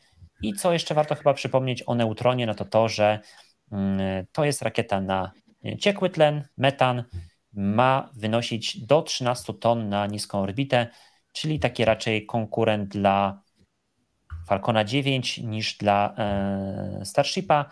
No i mm, tutaj Rocket Lab ostrzy sobie e, zęby na rynek mega konstelacji. E, to jest ten, ten święty gral, jeśli chodzi o zarabianie pieniędzy na strzelaniu rakiet i e, mają nadzieję, że już w 2024, ciekawe czy w Q4, czy, czy, czy wcześniej, ale chcą właśnie zrobić test i, i wystrzelić po raz pierwszy neutrona. No też widzę, że no okej, okay, okay, mów, mów. Nie, właśnie tylko miałem takie wrażenie, że to wygląda kurczę jak stack y, tych Starlinków. Tak, I tak, właśnie to teraz chciałem powiedzieć. No. że, to takie podejście do mega koncepcji, ale coś nie sądzę, żeby Starship, y, żeby SpaceX chciał y, używać neutrona do strzelania Starlinków. Oczywiście, że nie, ale, ale wiesz, ktoś, y, pro, projekt Kuiper, projekt Kuiper od Amazona się sam nie zbuduje. E, tak. Chodzą też takie słuchy, że Europa chce zbudować swój, e, swój, własny, swój własny Starlink, a przecież rakiety nie ma i zobaczymy, czy i kiedy będzie miała, więc e, trzeba będzie kupować. U... Amazon też nie ma rakiety, więc może też będą musieli zamiast Blue znaczy, Origin Ale Amazonowi trzeba przyznać, że już wykupili z rynku co się dało, bo e, kupili ileś tam atlasów, wulkanów, które jeszcze nie istnieją. E, Ariane 6 też nakupili, które no też nie latają, e, ale sobie za, zabezpieczyli trochę przyszłości, zanim e, New Glenn e, poleci w kosmos. No znaczy, bo... tutaj też jakby plus, znaczy plus nie plus, no, ta, taki e, piątka dla Rocket Labu, bo widzę, że dalej trzymają się designu takiego swojego, bo po innych firmach widać, że jak pokazują najpierw taki odjechany projekt, nasza rakieta nowa będzie wyglądać tak i ona jest tam jakaś super, taka fajna, a potem po dwóch latach, jak już naprawdę zabiorą się za projekt, kopia Falcona. A tutaj jednak ten neutron dalej wygląda tak neutronowo, po swojemu. Tak, ale to w sumie um, cieka ciekawe zauważyłeś, bo e, ta, ta chińska rakieta właśnie na metan, która poleciała, to zauważ, że też miała taki element jakiegoś designu, coś tam tutaj takiego czerwonego, narysowanego mhm. na, na boku. Kiedyś rakiety po prostu były, no nie wiem, białe albo biało-czarne, no po prostu a teraz widać, że po prostu tutaj design też, jeśli chodzi o to, to zewnętrzne, mhm. Mm, też wchodzi do gry. E, pierwsze takie wizualizacje e, wulkana chyba też miały taką flagę amerykańską e, wyrysowaną na, na bokach, a teraz chyba już chyba takie po prostu ich logo tego wulkana będzie. Nie, mhm. więc będzie to mniej. A to chyba tak... był jakiś konkurs, jakieś takie testy różnych malowań i, i wygrał ten płomień taki wulkana i, i tego okay. się będą trzymać. Mhm. Super. To co, lecimy dalej? Tak. Teraz mamy e, małe newsy, ale właściwie już o tym powiedzieliśmy. Tak, to już powiedziałem, czyli e, wszedł na orbitę ZQ-2, e, metanowa rakieta, należy w, kroni, w kronikarskiej naszej książeczce odnotować. Mhm. Jest odnotowane. Ostatni lot Ariane 5, no niestety żegnamy się z naszą europejską rakietą. Jaka była, taka była, ale była. Koniec. Ale panie z tym Starshipem to... Tak, daj, daj pan spokój. Tutaj taka ciekawa rzecz, bo na stanowisku testowym e, Blue Origin doszło do eksplozji silnika BE4 i byłoby, nie byłoby problemu, gdyby tych silników produkowali tyle, ile SpaceX robi Raptorów, ale to był e, taki produkcyjny silnik podczas testów e, i to, to był silnik dla kolejnego wulkana i on nim zrobił boom. E, więc to nie wróży dobrze. E, co prawda, Tory Bruno, e, czyli szef United Launch Alliance, twierdzi, że to nie będzie miało żadnych konsekwencji na start pierwszego wulkana, jest niezagrożony. No tak, tylko że jeżeli się okaże, że śledztwo tutaj wykaże jakieś, no nie wiem, wady na przykład fabryczne, to się okaże, że te silniki, które są zamontowane na wulkanie, zbudowane wcześniej, przetestowane i u nich działało wszystko ok, no ale może się okazać, że trzeba w nich wprowadzić jakieś korekty i znowu nam wulkan się odsunie, bo w tym momencie y, jest rozbierany jego drugi stopień, y, bo doszło do podobnej rzeczy. Jakiś inny egzemplarz testowy przechodził jakieś zupełnie inne testy, okazało się, że istnieje jakaś wada, która nie wyszła przy tym e, produkcyjnym e, centaurze, czyli tym drugim stopniu, no i przez to, że testowano ten jakiś inny i tam to się ujawniło, to teraz trzeba na tym wprowadzić poprawki, misja opóźniona. Z tymi silnikami BE4 może być podobnie, oby nie było, ale no, nie wróży to dobrze, że e, wybuchł akurat silnik e, przechodzący testy. Bardziej bym się spodziewał, że te testy mają polegać na tym, że tam może jakieś wydajnościowe rzeczy nie będą grały i trzeba będzie coś skalibrować, a nie, że dojdzie do eksplozji i zniszczenia e, całego silnika. Ale, ale Kuba, przecież to jest bardzo zgodne z marką. Wulkan no musi wybuchać, nie? Tylko Tory Bruno chciałby, żeby była to kontrolowana tak, eksplozja. Tak, tak, tak, tak. On y, teraz musi mieć dobrą minę do złej gry, ale myślę sobie, że Oj. Chyba, ja, ja, myślę, ja myślę, że 5, tam 6, 7 ostatnich lat jego pracy to jest 50% e, jakby składowej jego pensji to jest po prostu za, e, płacą mu za robienie dobrej miny do złej gry, no po prostu.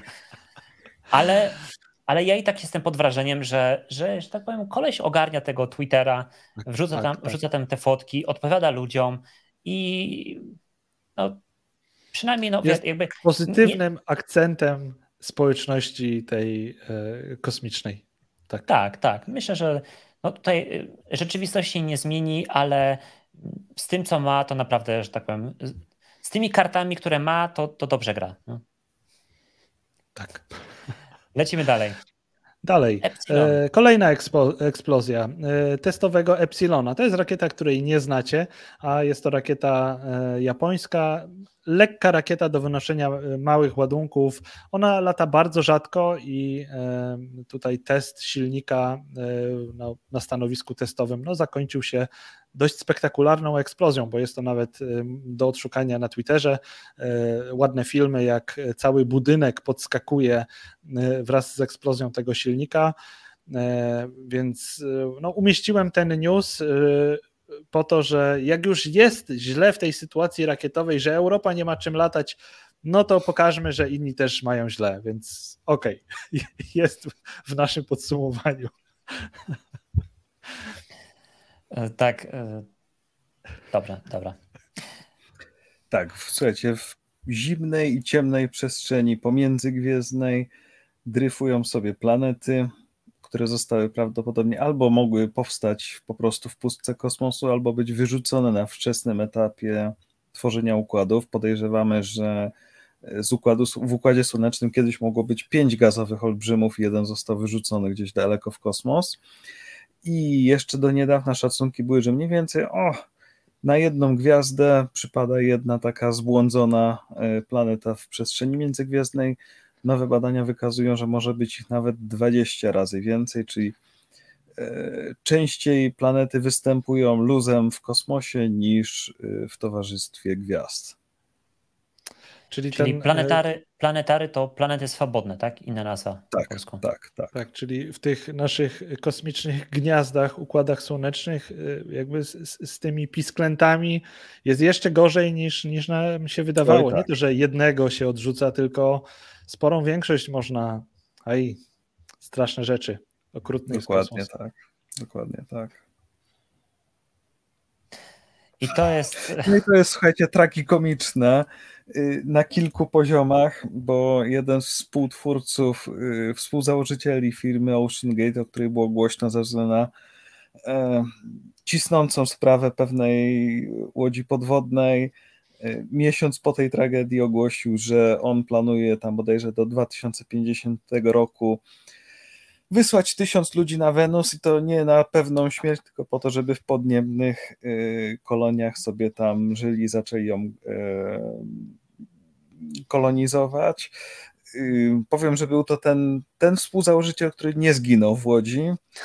E, mam nadzieję, że tutaj nie szorujemy pod nie tym newsem, ale no... Hmm, wiecie, jeszcze dodatkowy tragikomizm tej sytuacji jest taki, że to nie jest tak zupełnie absurdalne, bo Wenus rzeczywiście ma atmosferę tak gęstą, że w teorii dałoby się dzięki tej wyporności wysoko w chmurach umieszczać duże obiekty. Y, mogłoby tam być ciśnienie zbliżone do ziemskiego, ale wciąż jednak pozostają kwestie tego, że y, jest to kwas, jest to trudne. Dokładnie i no nie, nie tak szybko i wydaje mi się, że timing facet ma bardzo, bardzo zły. Tak bym to ujął. No oczywiście e, e, ta e, tragedia w, w oceanie to jest jedna rzecz, ale, mm, ale też po prostu nie, przepraszam, z, z, zgubiłem wątek. Chciałem Może powiedzieć... do tego czasu, kiedy oni tam wyślą tego typu konstrukcje, nasza technologia wykrywania tych fal grawitacyjnych do tego poziomu dobrnie, że będziemy w stanie implozję na Wenus wychwycić. E, chciałem, e, przypomniałem sobie, chciałem powiedzieć tylko to, że jest dzisiaj pierwszy sierpnia. Szczyt sezonu ogórkowego, tak? Naprawdę. Naprawdę nie ma, teoretycznie nie ma o czym mówić, nie? Ale, ale po prostu jak można, nie wiem, miesiąc, półtora miesiąca po tej tragedii po prostu mówić o tym, że, że teraz my tutaj jakieś kurcze statki kosmiczne będziemy na Wenus robić, a przecież te radzieckie sądy, które wy, wylądowały właśnie na, na Wenus, to co zostało z nimi zrobione? No zostały właśnie zgniecione, tak? Mm. Tak, tak, no. no. Ale słuchajcie, mogliśmy jeszcze rozmawiać o komisjach w Stanach dotyczących UFO, które się ostatnio dzieją, a nie rozmawiamy o tym. Jest poziom gorzej. wysoki? Jest. Jedźmy dalej. Jedźmy dalej. Więc a propos poziomu wysokiego, i tutaj to nie jest żaden, e, e, żaden news z sezonu ogórkowego, tylko po raz pierwszy właśnie mm, dyrektor generalny Europejskiej Agencji Kosmicznej w wywiadzie dla chyba Space.com E, powiedział, jakby pierwszy raz potwierdził, że europejscy astronauci wylądują na Księżycu podczas misji Artemis 4 i Artemis 5, bo do tej pory było chyba wiadomo coś o Kanadyjczyku, który ma właśnie polecieć na, na Księżyc, a o Europejczykach nie. No i mm, to było bardzo zastanawiające, bo przecież Europa y, bardzo mocno się dokłada do, do programu Artemis. Cały ten moduł serwisowy, bez którego y, Orion nie byłby w stanie latać, to jest produkcji europejskiej, no i za to oczywiście no, płacimy. Więc tutaj zostało pierwszy raz potwierdzone, że y, jakiś Europejczyk w tym misjach Artemis 4 i później Artemis 5 wyląduje na Księżycu. Oczywiście w tej chwili mówi się o roku 2028, 2029. To się pewnie jeszcze przedłuży. No, wszystko zależy od misji, oczywiście Artemis 2, Artemis 3. E, tam jeszcze może być dużo różnych komplikacji, ale przynajmniej wiemy, że, e, że coś takiego nastąpi w kolejnych misjach, więc myślę, że to bardzo e, pozytywny news. Tak. Tak jest. Dobrze. Lecimy dalej. Sierpień 2023. Virgin Galactic mission number two. Koniec, Co? idziemy dalej. Tak, idziemy dalej.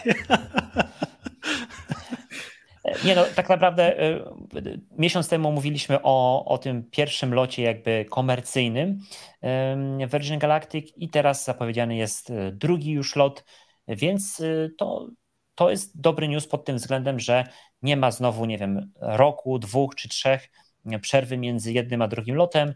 Wygląda na to, że po prostu Virgin Galactic będzie nadganiać mm, kalendarz startowy i y, no, teraz będzie start co drugi miesiąc, może będzie nawet e, częściej. Mm, no i po prostu trzymamy kciuki, żeby wszystko tutaj się dobrze odbyło. Mhm. Tak. I to jest ten start e, rosyjskiej rakiety, o której chciałeś powiedzieć, Kuba. Tak, chyba. tak. E, ma startować e, Sojus z misją Luna 25. Misja Luna 25 wraca nam tutaj co jakiś czas i ogólnie tam mieliśmy z niej zawsze troszkę bekę, bo jak o niej mówiliśmy, to zawsze w kontekście takim, że ona była przekładana. A teraz nadchodzi taki czas, że ona ma faktycznie lecieć i wszystkie moduły są tankowane. W sensie ten górny stopień Sojuza fregat y, jest już integrowany, tankowany, sam lądownik jest y, y, jakby integrowany na tym i tankowany. I to jest misja księżycowa lądownika rosyjskiego, i którym Rosjanie chcą odzyskać jakby zdolność do lotów robotycznych na księżyc. No bo w tych dawnych latach oni wiedli w tym prym, a potem te zdolności utracili i teraz chcą tą misją tę zdolność odzyskać.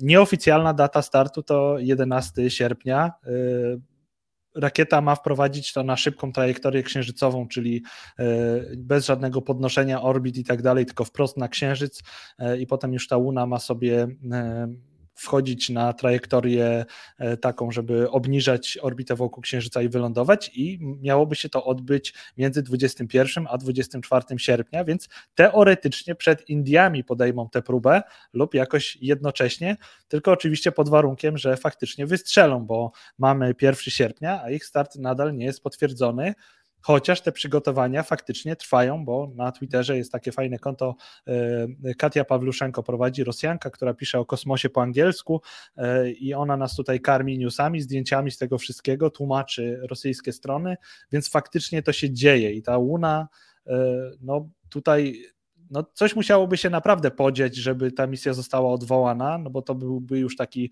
hot abort tego wystrzelenia, więc no zobaczymy. Ma się wszystko w ramach sierpnia wydarzyć, e, więc e, podczas kolejnego live'a będziemy mieli e, konkretne info na ten temat. Tak. Ja powiem, powiem Wam szczerze, że absolutnie nie wierzyłem, że dojdzie do tego startu, bo wydawało mi się, że w obecnej sytuacji politycznej to po prostu ten e, przygotowany pod tą misję Sojusz to zostanie wykorzystany do budowy, znaczy do wystrzelenia jakiegoś satelity wojskowego czy, czy czegoś w tym stylu, ale może nie mają satelitów wojskowych albo mają problemy z ich produkcją, ukończeniem, więc po prostu skoro ta Łuna już jest, to, to, to niech poleci i odtrąbimy po prostu w, w, w domu sukces, jacy to jesteśmy wspaniali. Mm, mówię to, to oczywiście tak troszeczkę sarkastycznie. Mm, jeśli chodzi o badania naukowe, no to kibicuję wszystkim, żeby tutaj się e, powiodło. E, no ale jestem tutaj bardzo, bardzo mocnym, niewiernym Tomaszem. Na zasadzie pożyjemy, zobaczymy e, sytuację z jakimś nau modułem nauka, który miał latać przez ileś tam lat do Międzynarodowej Stacji Kosmicznej i w końcu poleciał, a jak poleciał, to i tak narobił mnóstwo zamieszania, więc no w sumie z punktu widzenia takiego esportowego, to można to sobie oglądać, będziemy sobie to oglądać, śledzić i, i kibicować i patrzeć, ale naprawdę uwierzę, jak zobaczę, że to mhm. poleciało i wylądowało. Mhm. No zwłaszcza, że są konkretne jakby tutaj takie obawy e, o techniczną stronę tej misji, bo e, Rosjanie no przez długi czas byli uważani jako ci, tych, którzy mają te odpowiednie technologie i można od nich kupować, bo przecież y, y, misja europejska na Marsa miała lądować rosyjskim lądownikiem i też była z różnych powodów opóźniania, no, bo były tam jakieś problemy techniczne.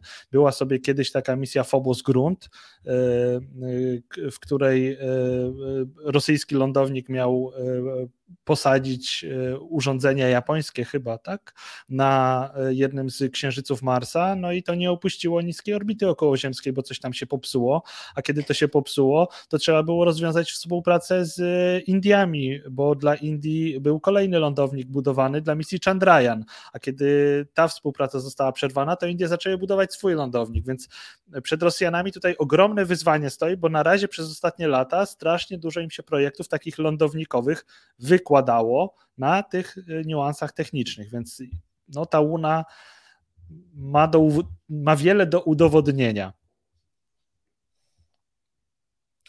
Tak jest, tak jest.